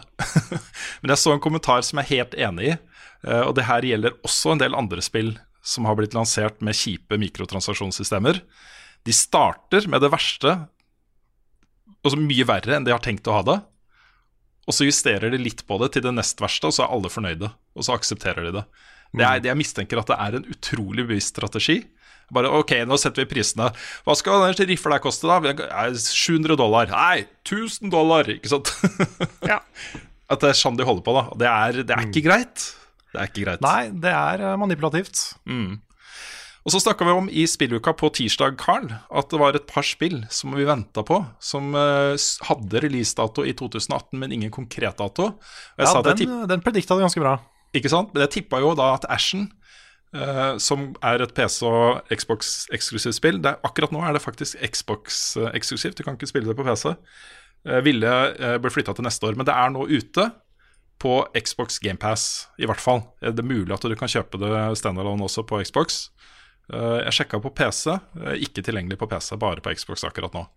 Og Det er jo et, eh, et litt sånn open world exploration-spill, med litt rollespillelementer, og du skal farme til armor og slåss mot bosser og, og sånt. Ser kjempebra ut. Eh, Og Below, som har fått dato, det er 14. desember. Jeg sa jo det i spilluka. Det er et sånt typisk spill som bare plutselig får en dato, og så kommer det uka etter, liksom. Så Jepp. Jepp. Spennende. Mm, det er to mm. flotte avrundinger på 2018 for Xbox det der, altså. Så jeg håper de to blir bra. Og så har vi eh, en, et lite innslag. Det er ikke et lite innslag, det er et ganske langt innslag. Men uh, vi har jo et stort uh, juleshow på Edderkoppen den 13. desember. Det er bare en uke til. Det er under en uke til. Jeg har litt vondt i magen når jeg tenker på det. Uh, men det blir et show. Og eh, det skal vi ha sammen med eh, en gjeng som heter Norwegian Thunderboys. Og egentlig mest for å presentere de litt for, eh, for eh, våre lyttere da, og seere, så uh, tok vi turen til Drammen. og hadde en to timers stream med dem. Så hvis du går på Twitch TV slash Norwegian Thunderboys, så kan du se opptak fra den streamen. Vi spilte et nytt spill, det glemte vi å si at vi har spilt i det siste, Karl. Hva er det det heter? Ja, det er sant. Rings annet of Elysium. Elysium. Rings of Elysium. Det er jo et nytt Eller ring, ring eller rings. Ja, et eller annet. Nytt uh, Battle Royale-spill som uh, foregikk i snøen. Mm. Um, men det som kommer nå, da er et, rett og slett et, eh, et lengre eh, en samtale mellom oss. Og det starter fordi dette er jo uh, Cato og Kent, som er da halvparten av Norwegian Thunderboys, er jo også kjent som Donkeyboy. Så er Musikkstjernene Donkeyboy, liksom. Uh, og de har lagd litt musikk som Norwegian Thunderboys. Så i starten her, hvis du blir veldig forvirra nå, at det kommer litt sånn der catchy eh, eh, popmusikk, så tenkte jeg bare starte med en, en snutt fra eh, Coco Jumbo, som er en låt jeg har lagd. Og så kommer det et intervju, og så er vi tilbake med spørsmål og svar etter det. Everybody knows that we're some kind of heroes. Every day we save the world. So listen, mama.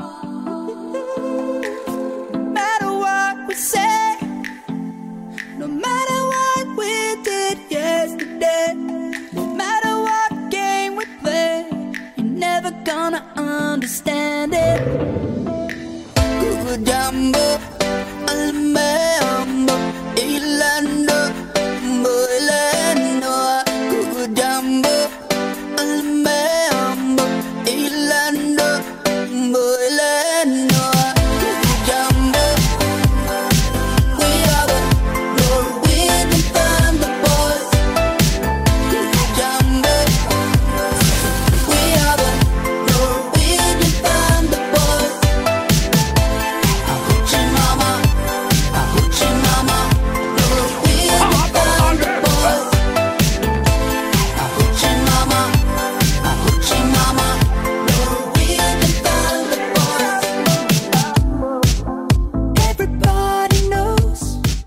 Da er vi faktisk hjemme hos Norwegian Thunderboys. Dvs. Si vi er hjemme hos halvparten av Norwegian Thunderboys.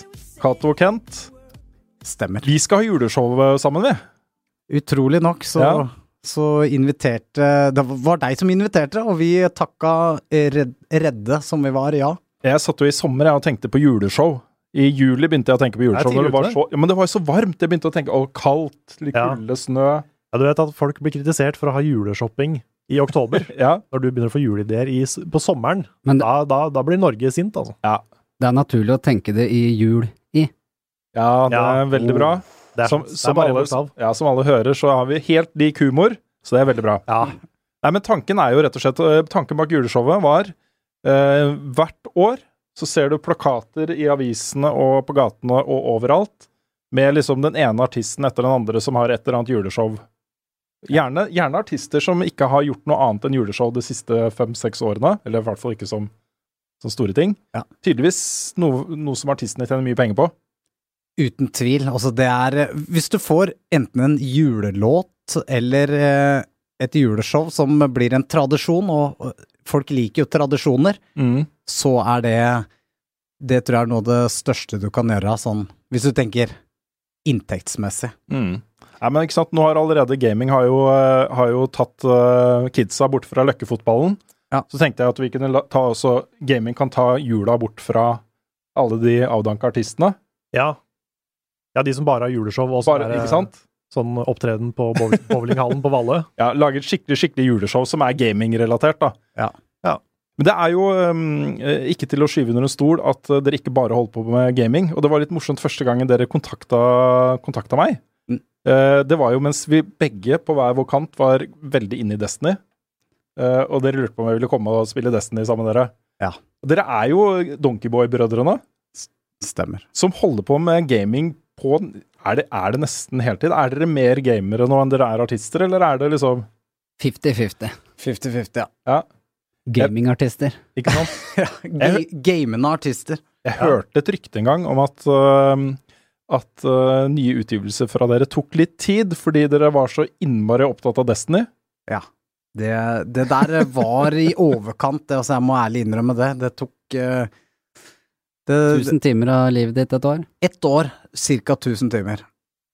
Det, er- det er mye det når du skal ha barn og kone, holdt jeg på å si, eller samboer. Ja, ja. Musikk, Jeg får- gaming. Jeg får lyst til å ta den en gang, den memen, liksom. That's rookie numbers, you gotta pump those numbers up. Men uh, det var vel ikke, Det var rundt der på meg òg, tror jeg. Det var det. Ja. Men jeg syns det er kult at vi har eh, gamingartister i Norge. Det er det. Nå trenger vi bare gamingkokker. Ja. Og gamingfilmregissører. Og gamingdansere. Ja. Og alt mulig. Gamer, Gaming-søppeltømmere. Ikke sant? Alle, alle, alle yrker. Det er plass til gaming. Plass til gaming overalt. Det er det. Men det som er, er at alle de der, de, de har man jo, og de begynte med gaming før. De begynte med Vi begynte jo med gaming lenge før vi begynte med musikk. Mm. Ja. Det er jo Det, det, det ligger jo Ja, det, jeg tror de fleste som eh, gamer er da, starter med det, altså. Er, er det noen som begynner å game når de er over 25? Jeg tror det er noen. Jeg tror Ja, det er finnes. nok det. Men, men det er mange som Jeg begynte da jeg var fire. Mm. Ja. Så um, Ja, mitt første spill var Pong. ja, det er litt cred. det er litt cred. For det var jo det var ikke nødvendigvis der det begynte, men det var nesten der det begynte. Ja, det var nesten der det begynte. Men det er, det er en ting jeg har tenkt litt på. Dere, når dere er holder på med gaming, så er dere jo Norwegian Thunderboys. Ja. Hvorfor heter dere ikke Donkey Koi Don Donkey Kong Boys? Hvorfor heter dere ikke Donkey Goy? Donkey Goy? Donkey Goy. Donkey, Donkey Kong Boys. Ja. Ja, Den, den tenkte jeg aldri på. Nei, Nei, jeg gjorde ikke det. det hadde vært litt gøy, da. Norwegian Donkey Boys. Ja. ja. Det hørtes skikkelig skittent ut, Karl. ja. De gjorde det? Ja, det gjorde de kanskje. Og så det er eh, bandmateriale, det navnet der på Twitch, tror jeg. Mm. Mm. Norwegian Donkey Boys. Nei, men dere, dere prøver jo å holde dette livet litt separat fra det andre livet, ikke sant? Ja, vi, øh, vi prøver å gjøre det. Ja. Prøver ikke blande korta for mye og ja. Om det er bra eller dårlig, vanskelig å si. Vi øh, gamer fordi det er moro, og den dagen det ikke er moro, så gamer vi ikke på Twitch. Vi gjør det fordi at det er gøy. Mm. Og øh, du, dere, i hvert fall du, Rune, veit åssen det er med kids og sånne ting, og det, det er en balansegang. Alt er en balansegang. Det er nok kanskje lurt å holde det litt atskilt, sånn hvis du, hvis du setter opp et show med Donkey Boy, og så kommer folk, og så sitter dere bare og spiller Fortnite. Det kommer, Mm. det kommer ikke folk, vet du. Det er det. Nei, men det er jo ganske morsomt, da, for forrige gang vi hadde konsert i Drammen, så det var en slags eh, release-konsert, og da ba vi inn via Twitch. Så det var ca. 70 stykker via Twitch som hadde tilgang til et sånt VIP-rom, da. Og når konserten begynte, da, så sto jo flesteparten og ropte Sprutkjell. Så, som er da mitt uh, nicknavn på gaminga, og da er det veldig mange som står og lurer på hva det var for noe. Mm. Ja. Sprutkjell, den kobler, kobler jo ikke folk. Nei, ikke hvis de bare kjenner til uh, musikken deres. Men Nei. dere lager jo musikk også, som Norwegian Thunderboys. Ja, prøv, prøv liksom også. Bra musikk, Ja, takk. men tang, Takk. tang in cheek, da. Også, dere har det jo veldig gøy med den musikken dere lager, og musikkvideoene også. Det, det er sånn når man lager låter, og vi har jo sittet og lagd låter hver dag, så sitter man ofte inne med mye eh, som ikke kommer ut, og det er litt sånn frustrerende opplevelse, så det er en slags sånn utblåsningsplattform utblåsningsplattform, Mm. hvor man eh, kan gjøre en låt, og så nesten dagen etterpå bare hive den ut. Jeg skjønner. Befriende. Dere har jo Coco Jumbo, Ja. som er den store hiten. Mm. Men min favoritt er kanskje Logitech. Fordi Ja. dere var jo ikke sponsa av Logitech. Nei. Dere bare lagde sang om Logitech. Og det at vi lagde en låt som het Logitech, gjorde at den låta kom ingen vei, fordi at eh, det er ingen som vil ta, ta i den. Nei, den, det er sant. De tror den er gjennomsponsa. Ja, Ja. Og, de, og den blei vist på klipp hos han der ene Åh, hva heter han streameren? Han som ser gjennom alle klippa. Han eh, ja, jeg tror var Han hadde vel 15 000-20 000 viewers på Twitch. Mm. Sponsored as fuck, sa han. Ikke fått et øre for det. Nei. Nei, det er kjempebra. Ikke et øre, altså. Men hva kan vi si om showet vårt, da? Det der Det man kan si der, er at det kommer til å bli en bland... Vi skal Skal vi si noen detaljer? Vi kan ta noen detaljer. Vi har jo tenkt å fokusere det rundt eh, litt sånn Norwegian Thunderboys versus Level Up. Ja. Så blir duell. Mm. Det blir duell. Ja. Good luck. Ja. Vi driver og velger ut spill nå. Vi prøver jo å finne spill som har litt sånn vinter- eller juletema. Ja, og det som er morsomt der, er at det finnes jo nesten ingenting. Niks. Det er så utrolig få spill. Altså, det er mange spill som har vinter, men det er veldig få spill som har jul. Ja. Da må du liksom rett, veldig fort ned på sånne skittige julespill på Steam, som er sånn herre julekabal. og sånne ting. Det tenkte vi også at vi kanskje skulle ta en kikk på på showet. Ja, kanskje. Kanskje. Kanskje. Ja. Uh, og så blir det jo litt uh, julesang. Julesang blir det, så må vi prøve å framføre Coco Jumbo Ja. eh, der. Live, rett og slett. Rett og slett live i den eh, versjonen det går an, i og med at eh, halvparten ikke er musikere. Så ja, ja, ja. derfor eh, Dagfinn må jo være sånn derre hva, hva de kaller det når disse rapperne står på scenen så en sidekick, på en måte. altså, hang around ja, eh, på scenen der. Stå med armene i kors og nikke litt på hodet, liksom. Mens vi er sånn groupies på sida. Ja, for eksempel. Mm.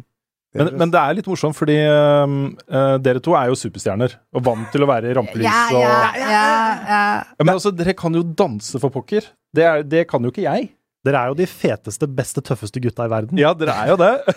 Vi, vi, kan- vi kan ikke danse, og vi kan ikke synge. Nei. Og vi, vi kan ikke game heller. det er det. Ja, nå eh, selger dere dere selv litt short her. Ja. Men, men det er litt morsomt kontrasten mellom da den scenevante dere og, og særlig Dagfinn, da. Mm. Eh, som, uh, som er mer sånn typisk gamer, Ja. kanskje. Ja. Men, jeg, det er veldig mange som kjenner seg igjen i han i Twitch-miljøet. Ja. Det er jo ja. ja. Veldig bra type. Vi er egentlig Jeg, jeg føler at jeg er en eh, enorm nerd. Mm. Det, det, det vil jeg si. Det kan nok bekreftes av, av samboeren, tror jeg. Ja, men det var jo også da jeg kom hit første gangen, og ned i kjelleren deres, og det var lina opp fire Fire PlayStation-konsoller, og med hver sin skjerm, og liksom gamingstoler, og alt var på stell, da. Og så hadde dere pinadø fire i andre rommet også. Ja. Det var, det var helt konge. Det var sånn der å komme inn i sånn nerdehimmel. Mm. Dritkult. Ja, for du har liksom, du har sånne gamingkjellere, og så har du det her. Mm. Og det er et helt annet nivå Ja da. enn det man vanligvis ser. Ja, for dere har brukt litt tid på setup, altså. Det, det, her har, det her har vært interessen helt, helt tilbake til jeg kabla opp i huset her, eh, nettverkskabler for å spille CS. eh, Var det 1.6 eller 1.3 det het først? Det, Første første var 1-3. Og da spilte vi da på gamle med CRT-monitorer, var det vel, og ja, Mm. Gamle maskiner, altså. Så det har alltid vært interesse, og Mario og selvfølgelig Altså, alle konsoller opp igjennom har det, på en eller annen måte klart å karre til meg en slags ukelønn som jeg kunne bare bruke på disse maskinene etter hvert, da. Jeg hadde ikke råd til Super Nintendo, men Nintendoen, den, den tror jeg fikk til jul, faktisk. Ja, kult. Det er ingenting som å få en, en spillkonsoll til jul, altså. Nei, det er det beste man kan få, Ja. rett og slett. Ja. Eller i hvert fall eh, var det, var det det.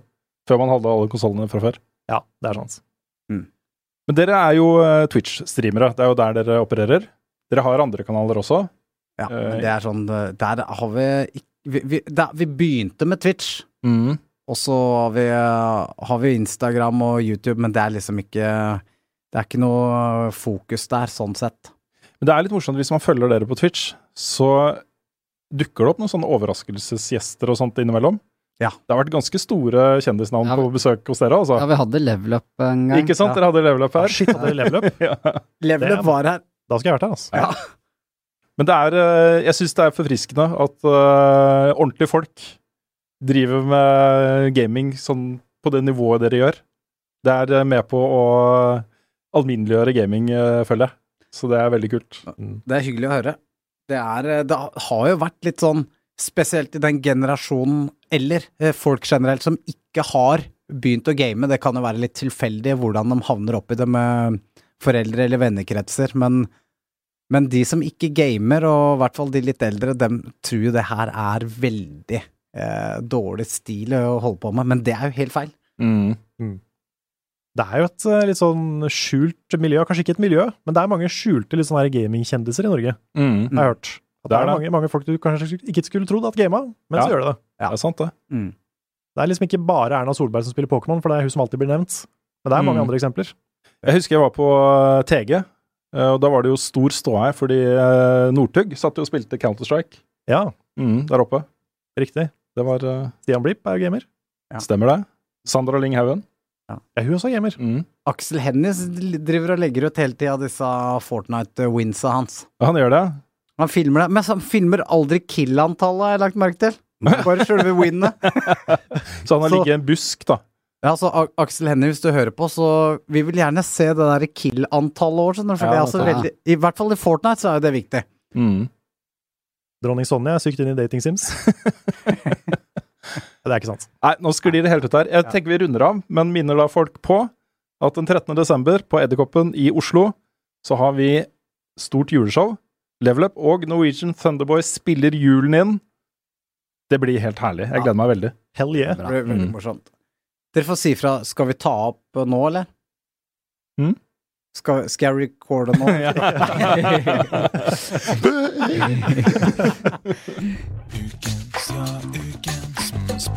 Kommer Ruen sin standup på DVD, eller? Jeg selger et guttenavn. Hva er det du kaller sitt? Hvilket språk snakker Frida egentlig? Hvorfor er Mario rørlege? Jeg kjenner at energinivået er litt på vei opp her nå, så det er bra, for nå skal vi svare på spørsmål fra våre kjære lyttere. Vi begynner med spørsmål fra Thomas Ege Faråsen, som skriver Hva spiser dere på julaften? Vi må hype jula litt her nå. Ja, det er det er desember. lenge- Ah, det er, det er altfor få dager igjen til jul. Det er sånn, det er, når jeg ser på julaften, så er det en sånn ting liksom, som er ganske stor og viktig, selve julaften. Eh, før der så er det liksom et berg med spill som må spilles, og videoer som må lages, og show som må produseres og fremføres og sånt, før jeg kan komme til liksom, de tingene som jeg egentlig burde bruke tid på å forberede nå. Det er litt sånn Får litt åh, angst. Mm. Er det sånn det er å være voksen? Ja. Ja. Juleangsten. Mm. Jepp. Ribbe. Yes. Ja, da var det Ikke bare ribbe, da. Ribbe og medisterkaker, medisterpølser, surkål og rødkål. Oi. Rødbeter, sennep, poteter. Ja. Ja. Ja shit. min, min familie har blitt en pinnekjøttfamilie.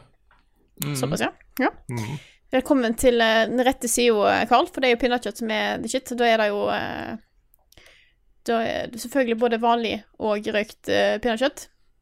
Mhm. Og eh, når vi først snakker om alt tilbehør, så er det jo selvfølgelig kålrabisappa som er the shit. Det er viktig å ha eh, Jeg spiser mitt pinnekjøtt på en litt sånn savage måte, så jeg tar ut alt kjøttet, og så på en måte deler det opp. Og så lager jeg bare sånn der mush av eh, kålrabistappa og pinnekjøtt, sånn at jeg kan bare spise alt på en gang. Eh, da er, får du blande alle smakene. Good shit. Det, Jeg tenkte jeg skulle prøve å lage pinnekjøtt, fordi uh, det, er, det er ikke mer enn liksom, syv år siden jeg lagde julemiddag selv for første gang. Og de driver fortsatt og prøver å få den ribba, eh, ribbesvoren sprø, som jo er det eneste som er Altså det aller, aller viktigste på julaften, er om svoren er sprø eller ikke, ikke sant? det har jeg fått inntrykk av på Nettavisen òg. Det er alltid bare sånn her Hvordan får du sprø Ah. svor? Det, det er liksom toppsaken hvert år. Åh, jeg har prøvd alt. Jeg har prøvd å legge den opp ned i vannbad og Hellstrøm-metoden og alt mulig rart. Jeg får det til på halve ribba, men eh, andre halvdelen blir enten brent eller ikke sprø. Så nå er det liksom, det blir litt bedre for hvert år, da. Men eh, ja, jeg tenkte jeg skulle prøve meg på pinnekjøtt og- i år også. Jeg vet det ikke er så vanskelig, men du må jo holde på en stund, da. Det er faktisk ikke så vanskelig. Jeg har uh, lagd det et par ganger sjøl. Du må bare ha den damprist. Hvis ikke du skal ha faktiske pinner.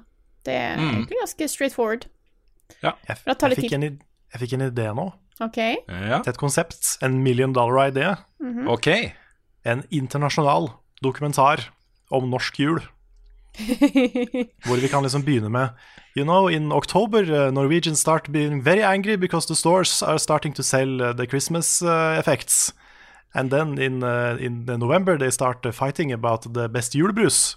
Yes, and the And color of the julebrus, and then when you're allowed to start drinking the julebrus Yes, that's the important part. And then also in December they start talking about the Christmas dinner, and that is also a battle. Yes. Yeah. And now they also released, I can see that they've released a new kind of chips, where one is flavored from uh, the pinnekjøtt and one has the ribbe flavor, and then they're trying to figure out which one is the best.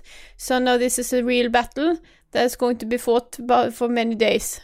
Yes, and it uh, pulls Norwegians apart every year, and it uh, becomes uh, sometimes uh, a full-on uh, country war. Yes, and Jeg vet, jeg vet ikke om det er en million dollar-idé, men i hvert fall sånn 99-99. Ja.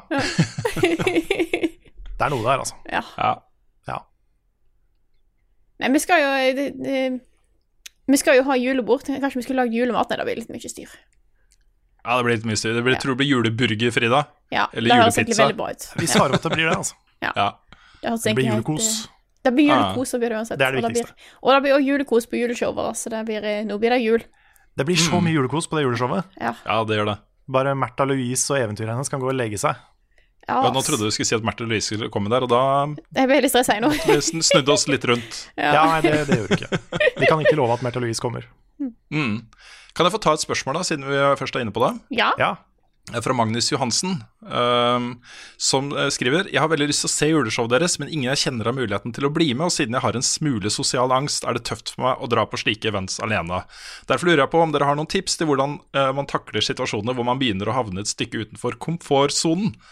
Og det sett, det har jeg sett tidligere. Vi hadde jo, eh, vi hadde jo to, eh, toårsjubileet vårt på Tilt.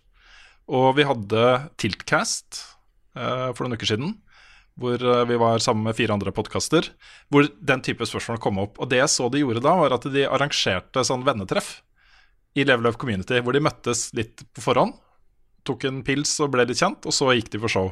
Så det er mitt tips nummer én. Eh, Her er det så mange hyggelige mennesker i det communityet vårt. Eh, Bare foren eder og gå sammen. er mitt tips nummer én. Ja. Jeg syns tips for sosialangst, det er vanskelig, altså. Ja, det er kjempevanskelig. Fordi, Jeg har eh, sosial angst. Ja, ja, same. Massevis. Så jeg vet ikke Jeg er ikke noen ekspert på hvordan man håndterer sånt, skal jeg være ærlig. Altså, min, Mengdetrening. min, erf ja, ja, min erfaring er at det blir bedre med trening. At, Ja. du, at du må bare utfordre deg selv. Uh, komme gjennom en, en situasjon som, uh, som er litt ubehagelig. Komme ut på andre siden og se tilbake på det som en hyggelig opplevelse, så vil neste gang bli lettere. Det Det er litt den ehm, følelsen Hvis det er lenge siden du har kanskje prøvd deg på det, så er du veldig usikker på hvordan du selv kommer til å reagere og sånne ting. Eh, det beste det er på en måte bare å komme seg gjennom det, så ser en at det går greit. Da har du den på en måte følelsen til seinere at OK, jeg har fått det før, jeg vet at jeg sånn, Ja, jeg vet at kanskje jeg er litt nervøs på forhånd, men jeg vet at jeg kan takle det, og jeg vet hvordan måte, kroppen reagerer på det. Mm. Det er derfor jeg er liksom alltid litt stressa hvis det er lenge siden jeg har flydd.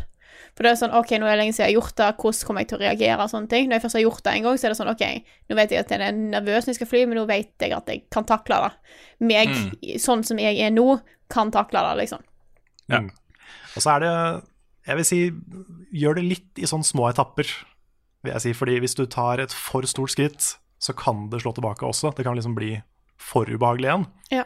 Så ta liksom små seire helt til du kommer fram til et punkt som du føler du vil nå. da.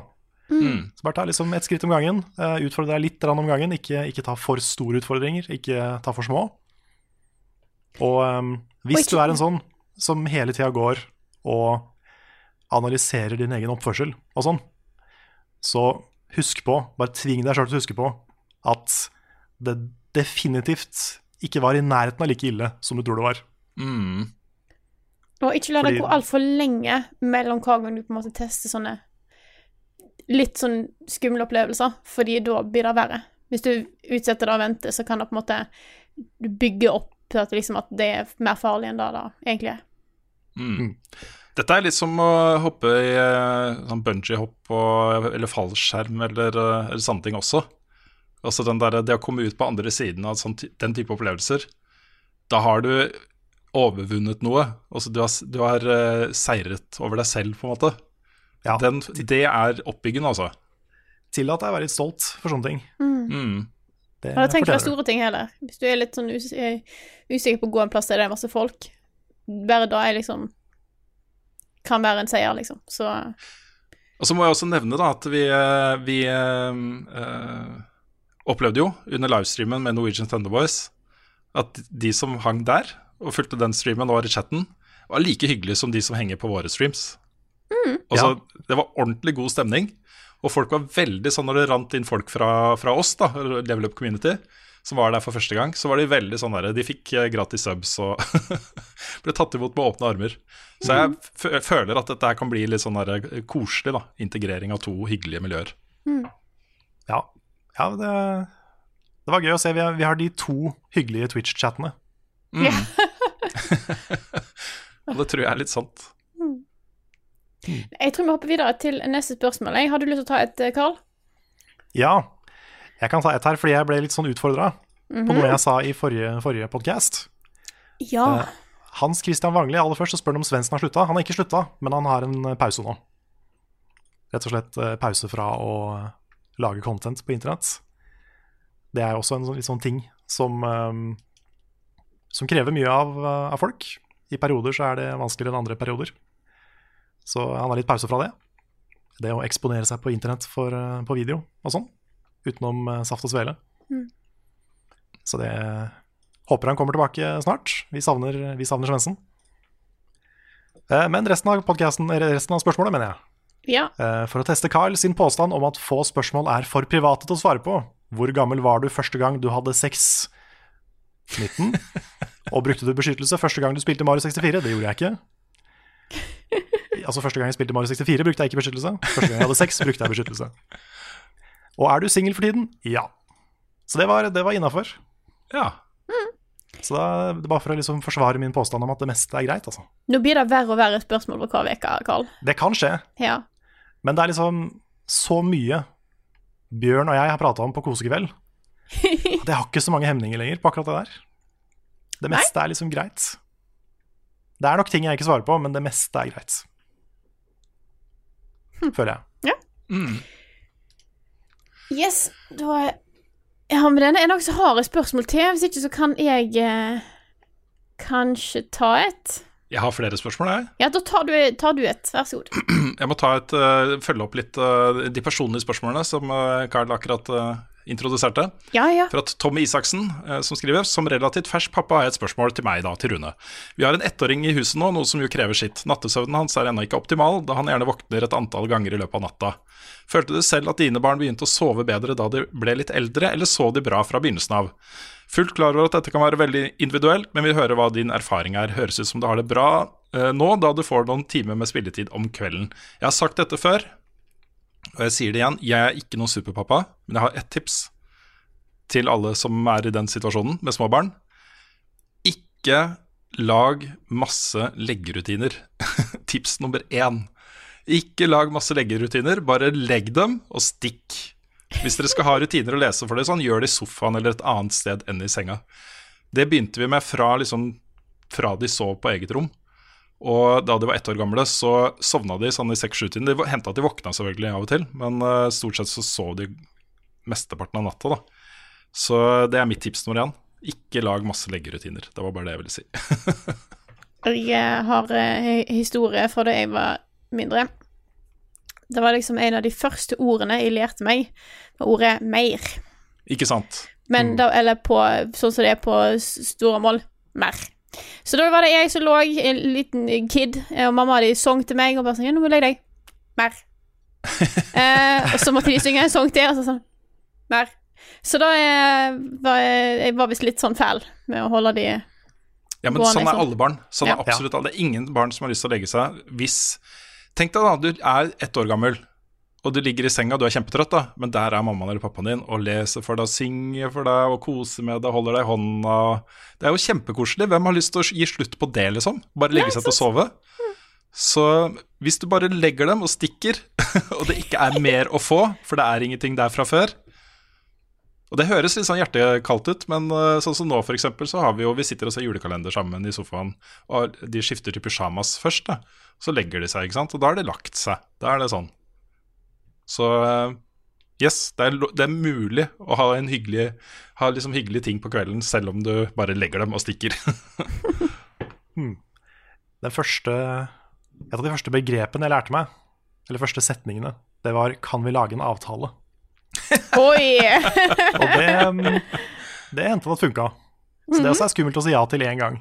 Ja. Når man begynner å inngå kompromiss med barn, for da skjønner de at det går an. Ikke sant? Mm.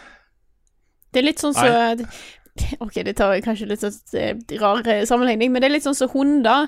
Hvis du først har gitt de eh, mat fra liksom, bordet der du sitter og spiser, Mm. så vet de at da går han. Ja Og da. da gir de seg aldri. Niks. Ah, Yes, men jeg Ja. lurer litt på om Skal vi ta runde av der, kanskje? Ja, Ja, kan ta vi et par spørsmål til? Ja, ja, ja, altså det er bare å kjøre på. Jeg har, jeg har fortsatt tid, jeg. Ja, Ja, skal du ta Jeg kan først? ta et. Ja. Uh, fra Silakoid skriver hei. Etter å ha dødd 179 ganger i The Messenger uten engang å ha kommet til fase 2, så lurer jeg på, har dere noen gang dødd så mye i et spill at dere har tenkt dette må jeg ikke fortelle til noen? Godt spørsmål. Ja, jeg synes det. Jeg tror ikke death counten min i WoW var spesielt lav. Uh, der husker jeg bare sånn Nå føler jeg meg litt sånn flau. Ellers kommer jeg ikke på noe spesielt, altså. Nei, jeg kan jo si Hvis du vil komme over den frykten for å, for å være dårlig i spill, og for at folk skal se at du er dårlig i spill, bli YouTuber. Ja, ikke sant? For da kommer det fram. Og da får du tilbakemelding. Så det, Mm. det, det, det forsvant litt med det for meg. Ja, jeg satt jo eh, på, på eh, Soulmates-serien vår og følte meg så Jeg visste at jeg ikke er, blant verdens beste Dark Souls-spillere, men jeg følte at det gikk ganske greit, da. Og der kommer jo folk bare Åh, du suger, liksom. Selv på det. Jeg tror uh, Prince of Persia, Warrior Within, der var det noen bosser som jeg sto fast på litt for lenge. Det hender av og til at jeg ikke får med meg den der ene tingen man må gjøre for å ta den bossen. Og så at det er et eller annet hint der som det er meningen at du skal catche, som jeg ikke catcher. Så jeg står og stanger mot det samme tingen om igjen og om igjen, som er feil ting. da Det er Ja. litt flaut. Det verste syns jeg er puzzles. Hvis noen ser på at du prøver å løse noe, og du får Ja. det ikke til, og det er Mhm. veldig obvious, Mm. det er vondt. Ja. Jeg må ta et kjapt spørsmål her fra Skal vi se Fra Steamrollerman, var vel det, tror jeg. Uh, ja, Steamrollerman. Uh, mer en tilbakemelding enn et spørsmål. Flott med fine jingler rundt omkring i podkasten, men kanskje burde de vært en anelse kortere. Det har vi, det har vi uh, en plan for. Det hadde vi fra dag én. Vi skulle ha de liksom i hele versjonen sin en stund, og så skal vi ha kortere versjoner. Så det kommer kortere versjoner. Martin og Christian er uh, på saken. Uh, men uh, Nice. ja. Jeg, jeg syns det er liksom Hadde det vært ti sekunder lengre, så hadde vi gjort noe med det for lengst. Men vi har allerede korta det ned litt. Så Også før de første versjonene vi fikk, var lengre. Så, men de, de vil bli litt kortere, for jeg er enig i den tilbakemeldingen. Yeah. Yes. Men da tar jeg et siste her. Hvis det er greit. Ja, Det er fra Jørn Magnus Restad, som skriver Dersom dere kunne ønske dere hva som helst til jul, hva ville, dere vært, hva ville det vært? Og han tenker, ikke på, han tenker på fysiske ting, altså ikke fred på jord, osv. Ja, Da må det bli en stor stabel med penger, da. En veldig stor stabel, altså en pall med penger. En sånn som de har i Breaking Bad, liksom. Sånne svære paller med masse sedler. Ja, sånn som den der Joker brenner i Dark Nights. Ja, Ja. Med sånt rom med penger. ikke sant? Ja, nei, jeg tror for meg så er det komme inn på boligmarkedet, rett og slett. Bare få, få seg en leilighet Ja. Mm. som jeg Er har, der? som er kjøpt. Mm. Leilighet. Da plutselig Det- plutselig har jeg penger. Det er jo ikke noe man får til jul. Nei. Det har hendt at uh, vi skriver Fordi at mamma de vil gjerne at vi skal skrive ønskeliste, da, sånn at de, de har kontroll på hva f.eks. jeg og resten av familien ønsker seg, så de kan kjøpe ting inn til jul. Uh, og da er det søskenmannen mitt, han er ofte flink til å lage ønskelister, så hadde han en gang en sånn seksjon der det var liksom ting som er altfor dyrt. Uh, så da gjorde jeg jo da, jeg bare skrev opp sånn der Jeg vil ha leilighet, jeg vil ha dekka gjelda mi. Jeg var liksom i studielån, da. Mm. Så det, jeg har, hatt, jeg har hatt, faktisk hatt leilighet på ønskelista til jul Ja. en gang. Jeg skrev det ikke opp i all den økonomiske engstelsen. Mm. For jeg får noen hundre tusen, så jeg har eh, eventuelt eh, bare Altså, jeg trenger ikke få hele leiligheten. Jeg kan få bare de eh, fem-seks-hundre tusen jeg trenger for egenandel, så jeg kjøper leiligheten sjøl. Så kan jeg eh, fikse resten av lånet på egen hånd. Da. Ja. så jeg syns ikke jeg ber så, så veldig mye her.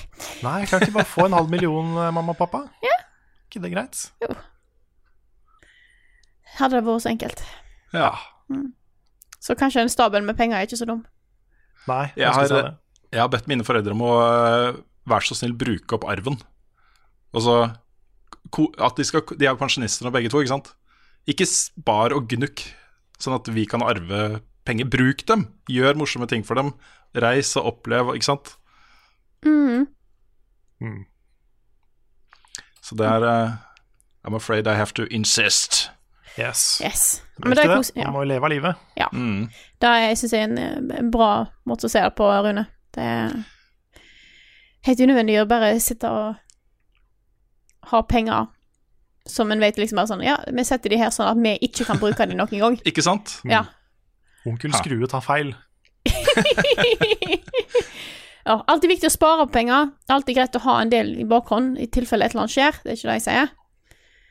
Eh, men ja. Ja. Yes. Jeg sa jo dette var siste, men hvis dere har et eller annet som dere har veldig lyst til å ta opp, så er det jo bare å slå seg løs.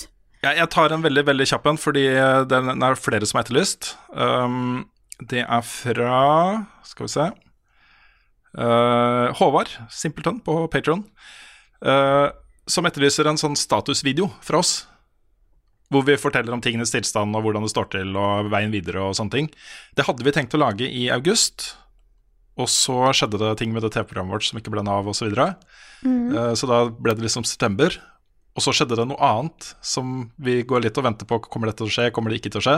Så vi har liksom Det er ikke noe vits å lage en sånn uh, veldig bastant statusvideo før vi vet utfallet av de tingene som foregår i kulissene.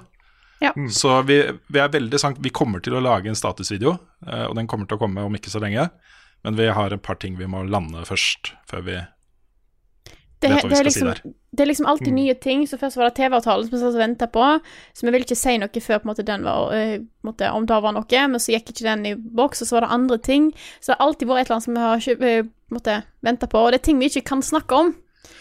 Eh, så bare vet at det faktisk skjer ting, og vi bare sitter og egentlig venter på svar før vi kan si noe videre til dere. Men det som er dumt, da, og det eh, må vi jo ta selvkritikk på, og også så, eh, trekke fram som en slags forklaring på hvorfor Buffkitten AS er som det er, det er at vi hele tiden, nå i snart tre år, har gått og venta på noe som ikke har blitt noe av, men som hele tiden har vært liksom på nippet til å bli noe av. Og hvis det hadde blitt noe av, så hadde det endra liksom hele kursen for selskapet vårt. Og for måten vi produserer ting, og hvor mye inntekter vi har, og hvor mye midler vi har til å satse og, og sånne ting. da. Så det at vi har gått og venta og venta og på noe som ikke har blitt noe av, har jo hemma uh, Altså, vi burde ha brukt mer ressurser på andre ting. Um, kontra det å bare lage innhold. Men strategien vår har jo vært det. Fokuser på å lage bra content for de som backer oss på Patron. Uh, og så hadde vi liksom håpa at andre avtaler og ting utenifra skal hjelpe oss til å få flere seere og vokse, ikke sant. Mm. Det, ja. Så vi jo, må jo si at vi har vært, Spesielt den TV-avtalen var vi jo veldig uheldige med. Ja. Eh, nå husker jeg ikke hvor mye vi har sagt eh, i podcasten om den, men det var jo Det gikk jo så langt at vi hadde en kontrakt. Det var signert kontrakter og greier, liksom. Ja, og sponsor og alt Alt mulig. var Det var klart plass. å startes med, Ja. eh, men så brøyt kanalen kontrakta. Ja. Ja, det var liksom den dagen vi skulle starte preproduksjon, fikk vi den nyheten. Så eh, ja, så det er ikke sånn at vi bare sitter og venter på at noen skal ta, ringe til oss og si at hei, vi har lyst til å lage en TV-avtale. Vi har liksom, vi har hatt avtale som Ja. ikke har blitt noe av. Eh, Så det, som- det sugde, rett og slett. Ja, Ja. det var noe dritt. Ja, det er, det er tyngende for oss, men det som, eh, det som er en bra ting, da, er at vi føler selv at vi lager veldig bra content, og bedre content enn vi lagde da vi var i VGTV. Vi har blitt flinkere. Um, og bare vi kan vokse litt, så tror vi dette går bra. Men det er liksom sånn vi, jeg, jeg kjenner at det går litt utover selvtilliten. At det har gått så lang tid med så lite inntekter. Men uh, jeg, når jeg ser på de tingene dere lager, og vet jeg er ganske kritisk til tingene jeg lager også, er over, over godkjent på det også, Mm. så, så føler jeg jo at vi har noe som Ja. uh, er verdt noe. Jeg også føler det. Jeg føler at, det, at det er noe her. At det er verdt å drive med. Og jeg Mm. får veldig mye ut av å gjøre det her. Og Også uten å si noe mer, så det vi går og venter på nå, er dritspennende. Ja, det er kjempespennende. Fy fader. Mm. Så det er litt dumt å komme ut med video før vi vet noe der, altså. Det er bare for sagt, da. Ja, for da må vi lage en til, Ja. hvis den blir noe av. Ja. Så bare veit at det skjer ting. Vi håper å kunne endelig komme liksom med de gode nyheter til, til dere som hører på. Mm. Eh, vi har vært så nærme så mange ganger. Kanskje nå. Kanskje, Kanskje nå. dette er det. Mm. Det er det, er det jeg ønsker meg til jul. Det har vært Ja. den beste julegaven. Ja, det Ja. Det, det ønsker jeg meg til jul. Ja. At, den, at det går. Mm. Jepp. Så må jeg bare nevne igjen, vi har sikkert nevnt det nok ganger, og vi har jo flytta podkasten til en ny plattform, Pippa, som kan legge inn spots på alle podkastene våre. Så hvis noen er forvirra over at uh, vi ligger et annet sted. Hvis du hører på iTunes, så vil du ikke merke noen forskjell, annet enn at det kommer inn en spot her og der. Uh, så annonse. I dette tilfellet er det annonse for vårt eget show, så vi håper det vil komme litt annonse for andre produkter som vi kan tjene litt penger på etter hvert også. Uh, men juleshowet vårt, 13.12., Edderkoppen i Oslo. Vi håper eh, det kommer masse folk. Det blir kjempehyggelig. Ja, det kommer til å bli kjempegøy. Mm. Også Kyosho Orchestra igjen, tusen takk for uh, den herlige uh, låta, eller vil si de herlige to låtene. Og et, på et eller annet tidspunkt nå så begynner avslutningsgreia til å gå i bakgrunnen, eh, folkens. Den starten på den er så nydelig og laidback. Den passer ikke som en sånn ren Vi kan ikke gå rett på den da, til avslutning. Men den har jeg lyst til å bruke til noe annet også, for den er sånn, den jammer litt på teamet vårt. ikke sant? Utrolig behagelig.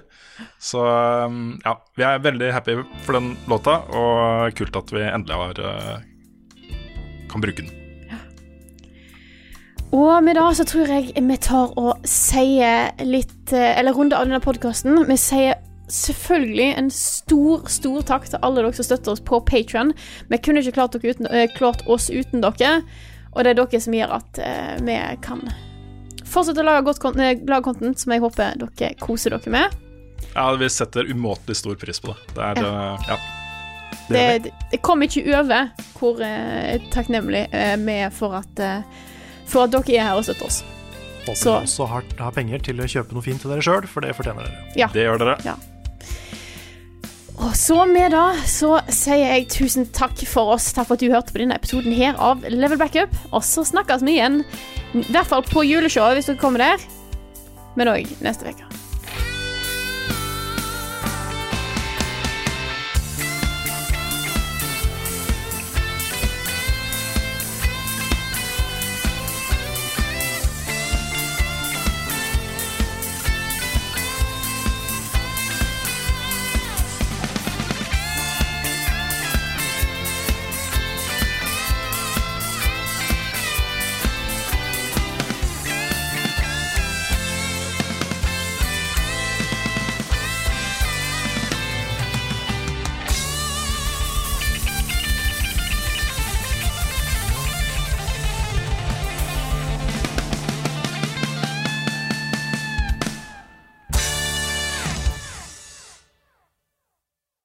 Har du et enkeltpersonforetak eller en liten bedrift? Da er du sikkert lei av å høre meg snakke om hvor enkelt det er med kvitteringer og bilag i fiken, så vi eh, gir oss her, vi. Fordi vi liker enkelt. Fiken superenkelt regnskap.